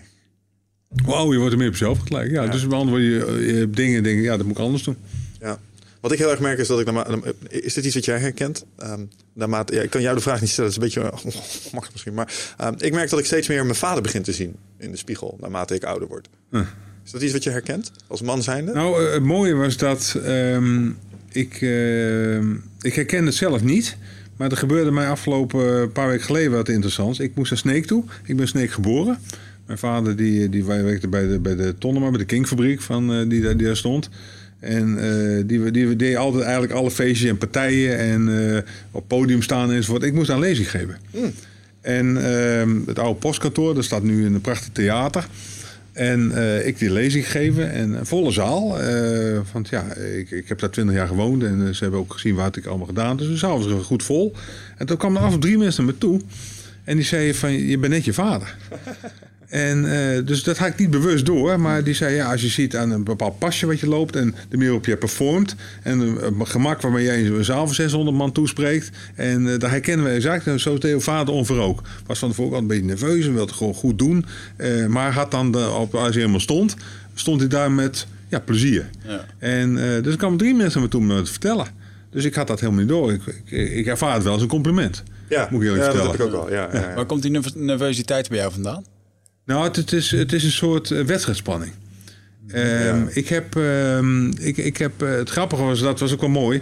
Ik vertelde, wij moesten optreden voor die zaal van die 1400 eh, onderwijzers. En Leonie moest dat voor het eerst doen. Dus nou, ja, moet je voorstellen dat, ja, ik vind dat knap. Als je dan van 1400 man voor het eerst op moet draven. En dan collega's ook wel. Ja, groot is zo groot. Ik heb één keer de Rijn moeten toespreken voor 2000 man. Maar dit was nummer 2 met 1400. Ja. Dus, ehm, en toen liep Eva, Eva Jinek liep ook rond. En toen zegt eh, op een gegeven moment dochter, die vraagt aan eh, Eva Jinek van, bent u ook zenuwachtig? Ja, zegt, natuurlijk ben ik zenuwachtig. Want eh 1400 man, ik heb me voorbereid, ik moet het gewoon goed doen. Een soort wedstrijdspanning. Dus als je geen wedstrijdspanning hebt, ook al heb je al 700 wedstrijden gespeeld, weet je zeker dat het misgaat. Ja. En Dus het is niet echt een nervositeit, het is een soort wedstrijdspanning. Eh, en ook als je daar, daar, daar liep eh, ook, eh, eh, als je aan de cabaretiers vraagt, die is 200 keer per jaar op moeten treden. En je vraagt aan hun, ben je nou gespannen? Allemaal. Elke keer weer. Het is na minuut of vijf alweer voorbij. Maar het is een soort wedstrijdspanning die je nodig hebt om even de wereld klein te maken, even de focus erop enzovoort. En dat gaat goed. En de, de keer dat je dus, ik heb dat één keer meegemaakt, dan moest ik s'avonds duizend man toespreken. En 20 minuten stelde ik had tijd niet heel veel voor. Als je goed over nadenkt, is natuurlijk raar waarom voor duizend man je wel druk maakt en tien niet. Eh, want hetzelfde Ja, verhaal moet ja. je vertellen. Dat is eigenlijk iets wonderlijks zit erin, als ik heel eerlijk ben. Eh, Steven Kotler heeft daar een mooi boek over geschreven. Om hoe eh, topsporters in flow komen, extreme sporters. Dus bovenaan die berg, de, de kans dat er een soort levensgevaar is. En het levensgevaar, die stress, is niet anders dan bovenop een berg staan, die Himalaya, of voor 1400 mensen staan. Want dat is net zo eng. Ja. Eh, maar daardoor kom je, komt je brein wel in een bepaalde staat. Waar, Maar ik heb daar ook wel eens een keer een les eh, in betaald. Dat, ik had toen die duizend man toegesproken en dat ging natuurlijk goed. En daarna voelde je natuurlijk groot. En ik, ik heb het toch wel even voor elkaar gemaakt. En toen moest ik een dag later, bij ons bij AZ, moest ik tien man toespreken. En toen dacht ik, dat doe ik eventjes. En ik zei eerlijk, gezegd, de mensen hebben niks van gemerkt. Ik was kapot na een uur. Want ik denk, doe het eventjes. En de eerste timing was natuurlijk niet helemaal goed. En de eerste keer dat ik denk van dit is grappig, dat sloeg dus niet aan. Dat lag natuurlijk aan mij. En eh, ze hebben niks van gemerkt. Ze vonden het leuk ook. Ik, en ik denk, dat gebeurt me nooit meer.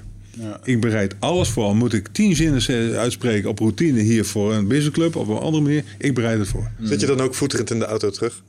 Ja, op dat moment Dat wel. heb ik ook. Dan, dan, eh, mensen hebben het niet door, maar jij hebt twee zinnen net anders gezegd of het kwam er niet lekker uit. Ja.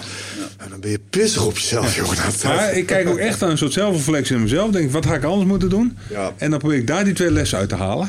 En eh, als je dat weer leert, dan kom je ook weer dichter bij jezelf. Dus, dus klinkt misschien gek. Dus ik, eh, ik, bedoel, ik moet regelmatig boxjes toespreken, andere dingen.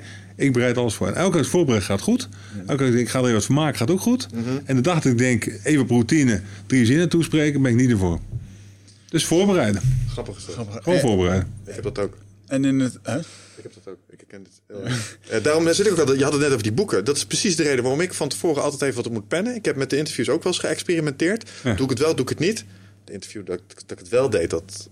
Je hebt van tevoren een soort warming-up gedaan of Ja. zo. Dat is het, denk ik. Maar vraag het aan alle dagvoorzitters, vraag het aan alle presentatoren van de tv-uitzendingen. Allemaal zijn ze bezig met die voorbereiding. En die zeggen, ik laat het gesprek even lopen en ik zie wat er gebeurt. Nee, want op een gegeven moment valt het stil en denk je, wat is het volgende onderwerp? Terwijl als je nu een klein leidraadje hebt, dan ga ik naar het volgende onderwerp. Dat voelt veiliger. Ja. Dat voelt eh, makkelijker. En als je de helft niet, eh, niet vraagt, ook goed. Maar het kan niet gebeuren dat je niks vraagt, want dan kan het gesprek lang duren. Ja. Eh, nou, Dus ik...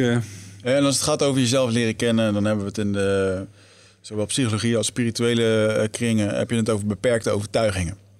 Wat is de beperkte overtuiging die jij hebt? Ja, het, grappige is, dit, dit ze in NLP. beperkte overtuigingen. Eh, die heb ik daar ooit een keer afgeleerd. Dus, eh, dus, dus ik, ik, ik heb een soort manier van omdenken bedacht. Als ik denk dat het niet kan, dan roep ik juist dat, het, dat ik het moet omkeren. Dus ik, eh, ik heb op dit moment heb ik ze niet, want dat zou dus... Ja, de beperkte overtuiging is dat ik ze niet heb. Ja. Nou, Ja, want, ja, want jij ja. zei, want jij Dat is zei, een beperkte overtuiging. Ja, maar bijvoorbeeld een ander dingetje, wat jij zei van eh, mij kan je op de kast krijgen op het moment dat je zegt dat ik niet integer ben. Ja. Dan druk ik bij jou ergens op een knop, op een overtuiging, die zegt dit, hè, eh, dat, niemand jou, dat niemand je serieus neemt, dat Ja. niemand ziet je niet staan. Ja, en, en dan moet ik eerlijk zeggen, moet ik één dingetje aan, aan vastkoppelen. Ehm, als, als mensen dat eh, zouden schrijven in een krant of eh, iemand die ik niet zo goed ken, of ik denk van zoek het allemaal uit, dan raakt me dat minder dan als ik iemand zou hebben die, dat, die dicht bij me staat. Ja. Dus da- daar doet het het meeste pijn. Ja. En bij, bij eh, ik heb natuurlijk met de wereld met publiciteit te maken. Kranten, columns, de hele blikse boel wordt er over geschreven en gedaan. En daarover staat ook wel eens een halve zin. Ik denk, ja, dat lijkt nergens op. Ehm, dat raakt mij al helemaal niet meer. Nee. Dan denk ik van, nou, dat hoort er blijkbaar bij. Dat is de prijs die ik moet betalen voor de rol waar ik in zit. En veel succes. Oncontroleerbaar ook. Ja, precies. Onbeheersbaar. Dus eh, Kijk, en ik heb ook een keer geschreven... alleen de mensen die ik serieus neem kunnen mij beledigen.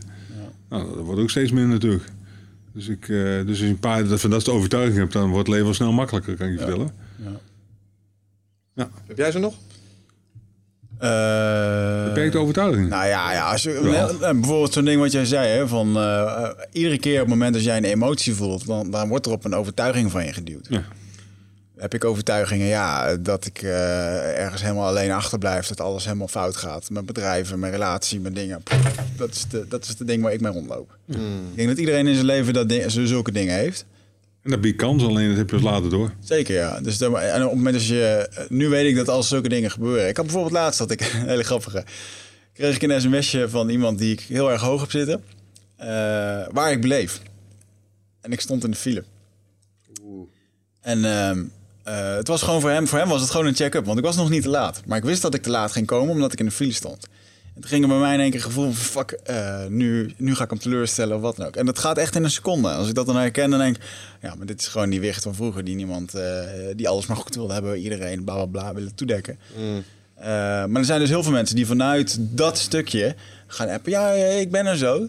Terwijl ze weten dat ze er niet zo zijn. Dan komen ze te laat. En dan krijgen ze alsnog... Hé, hey, waarom ben je te laat? Want je zou er eerder zijn. Dus Maar, met maar als ik dit analyseer, gaat het nog wat dieper. Want jij hebt zelf niet de eerste sms gestuurd. Om te roepen van, je wist dat je niet zou halen. Dus hij zou zelf moeten sturen. Eh, ja, het was niet zo'n strikte afspraak. Dus... Ja, maar dat is grappig. Ja. Nou, je kan Want in mijn manier van denken past dit dus niet. Nee, ik zou er om half er staat een mooi bordje achter je. Ja. Topsport Catering Compris. Het is goed of het is slecht. Dus eh, hoe kan je Ja. zeggen, het was mijn halve afspraak? Ah, Ik kom nooit laat bij afspraak. Nou, omdat het niet... Ik had beloofd dat ik er rond een bepaalde tijd zou zijn. En voor, voor mijn gevoel, en misschien heb ik mezelf dat zo verteld, had ik daar nog speling in. En dat had ik ruim. Maar dit, dit noem ik dus excuses. Ja.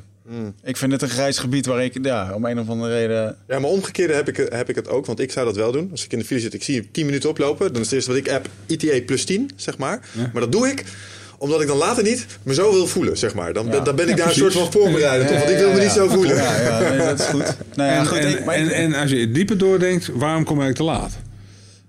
Waarom, eh, stel dat je hier te laat was gekomen, had ik dan het interview mogen afzeggen? Zeg, je hebt niet een afspraak gehouden. dan, zou je, neem je het dan persoonlijk. Dat is, dat is een vraag die ik dan stel. Nee, maar een deal. Ja. Als jij naar de koningin moet, kom je te laat. Te laat komen ze gebrek aan respect. Ja, maar dan neem, je- dan neem je het persoonlijk. Het, het kan het niet zo zijn dat iemand te laat komt. Als iemand in de file staat of er gebeurt wat. Ja, dat, dat ben ik niet met je eens. Dat is meer van denken. Ja. Nou, Maar er, er is iets van overmacht. Als jouw auto ontploft of je wordt aangereden, Dat dan klopt. daar kan je niks aan doen. Dat klopt. Als, als Maar- een dodelijk ongeval vlak voor je snuffert be- begeeft... of je krijgt een hartaanval... en je moet eerst naar het ziekenhuis... of je gaat iemand reanimeren... dan meld je het even. Dan, eh, dat is het akkoord. Ja. Maar je vindt het geen... Maar als je het... File niet. File is gewoon niet op tijd vertrokken zijn. Nee. Want je hebt op Google tegenwoordig, dat gebruik ik veel. Je kan, je, je kan zeggen, oké, eh, je wil morgen waar naartoe? Apkoude? Cool. Morgen is het dinsdag om 9 uur wil je aankomen. En dan rekent die uit voor je wat de gemiddelde aankomsttijd Ja, ja, is. klopt. Eh, en dat is dan tussen de maar je 2 kan en toch gewoon om 2,5 zes uur weggaan... en ben je een uur te vroeg gaan een boek lezen... een kop koffie en is klaar. Is ook een mindset. Ja. Ja. Ja. ik geloof dat wel. Eh, Met name omdat ik, ehm, wat mij echt heeft geleerd om dat niet meer te doen, is op de laatste vijf minuten bij een training binnenkomen lopen, terwijl iedereen er al zit en je moet dan nog je shit aansluiten en het werkt niet. Dat is echt zo'n rot gevoel. Weet je wel, dan kom je gehaast Nee, binnen. ik noemde net een rijtje op van eh, presteren. En het grappige is hoe snel dat alweer vervaagt. Ja. Daar stond voorbeeldgedrag bij. Ja. Dus als jij moet lesgeven, ben je daar als eerste. Juist. En je checkt het allemaal, je doet het allemaal en dan kan er nog eh, dit ding doorbranden. Dat kan. Nou, dan, dan, dan hoop ik dat je een alternatief hebt bedacht. Of dat iemand, kan vinden die je helpt. Ja. Of iemand leent nog ergens wat en dan merkt niemand wat van. Ja. Nee, eens. Ik ben altijd voor een lezing anderhalf van tevoren daar. En altijd is nodig. Ja. Op Ja. een bepaalde manier. Ik doe dat net iets anders. Ik, En ga ik een boek lezen. ik pak altijd de reistijd plus 50% Dus als ik weet dat de uur is, ga ik anderhalf uur van tevoren weg. Is het een, weet je, dus En dat heeft je altijd tot nu toe op tijd gebracht. ja. Oké, nou, dan is dat een mooie regel. ja. Mij hangt het er vanaf waar ik moet optreden. Anders ga ik nog eerder weg. Ja. Ja, wat ik meer zou kunnen doen in dat opzicht is als we... zes uur is nooit de file. Nee, nee, dat is waar. Of de dag van tevoren erheen gaan, dat doe ik ook wel eens. Dat klopt. Ja, dat is Ja, ook een heel hotel in. Ja. Maar daar gaan we weer. Daar betaal ik weer een prijs voor. Dan moet thuis uitleggen dat je nacht niet thuis slaapt. eh, want je wil op tijd zijn. En dan vinden zij het overdreven. Oh zo. Ja. Dat kan een conflict opleveren. Dan val ik, vat ik alles samen nu weer van, van net. Ja, daar kan, het, nou, nou, daar kan een spanningsveld ontstaan. Dat klopt. De- de- Bij mij hebben ze dat al lang niet meer. dat weten ze Ik gewoon. vind het Dat, altijd overdreven dat ik op tijd wegga. Ook als ze mee moet zelf. Ja. En, eh, maar ze even weten hoe het werkt. Ik heb een coach gehad die ook dit deed, Peter Sieksma. En die zei ook, ja, nou dan sta je... Want dan, dan, eh, als jonge knaap zei ik dan, ja, dan sta je soms drie kwartier ergens op een parkeerplaats. Dat is zonde van je tijd. Zeg, doe ik even lekker een dutje. Dat is goed voor je. Ja, klopt. Dat is helemaal gelijk. Ja, vond ik hem mooi. Ik zei, ja, dat is ook een houding. Ja. mooi. Alright. Um, Wigert, heb jij nog vragen? Ehm, ja.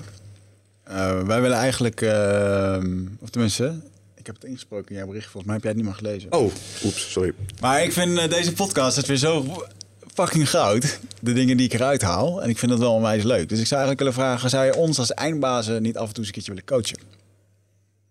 Op die vrijdagmiddag. Van 2 tot 4. Mag je naartoe. Hem zo direct in de agenda zetten. Dan gaan we hier onze vragen kunnen Eén keer in de vier weken is dat. En het gevaar is van deze podcast.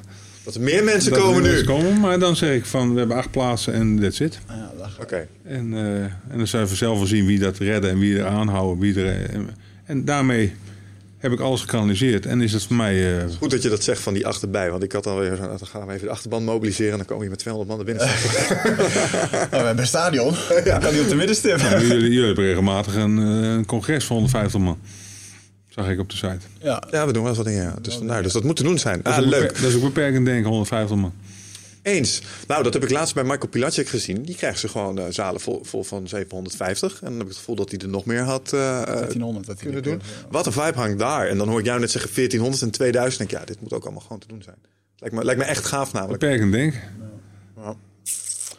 Wat is het eh, doel dat we gaan beloven dit keer aan... eh, Ja, omdat we het de laatste keer zo goed gedaan hebben, wij zeggen.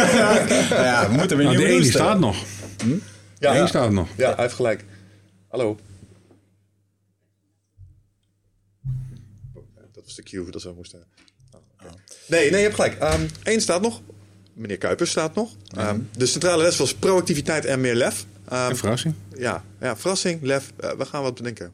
We gaan eh, eventjes buiten de box, eh, vriend. Moet. I Toch agree. waar we origineel over bedachten. eh, I agree. We gaan, eh, ja, we gaan, eh, hoe noem je dat? We gaan even terug naar het, eh, tekenbord. terug naar het tegenbord. Ja. En, eh, En je meldt je als je een congres hebt van meer dan duizend man. Wat zeg je? En je als je een congres hebt van meer dan duizend man.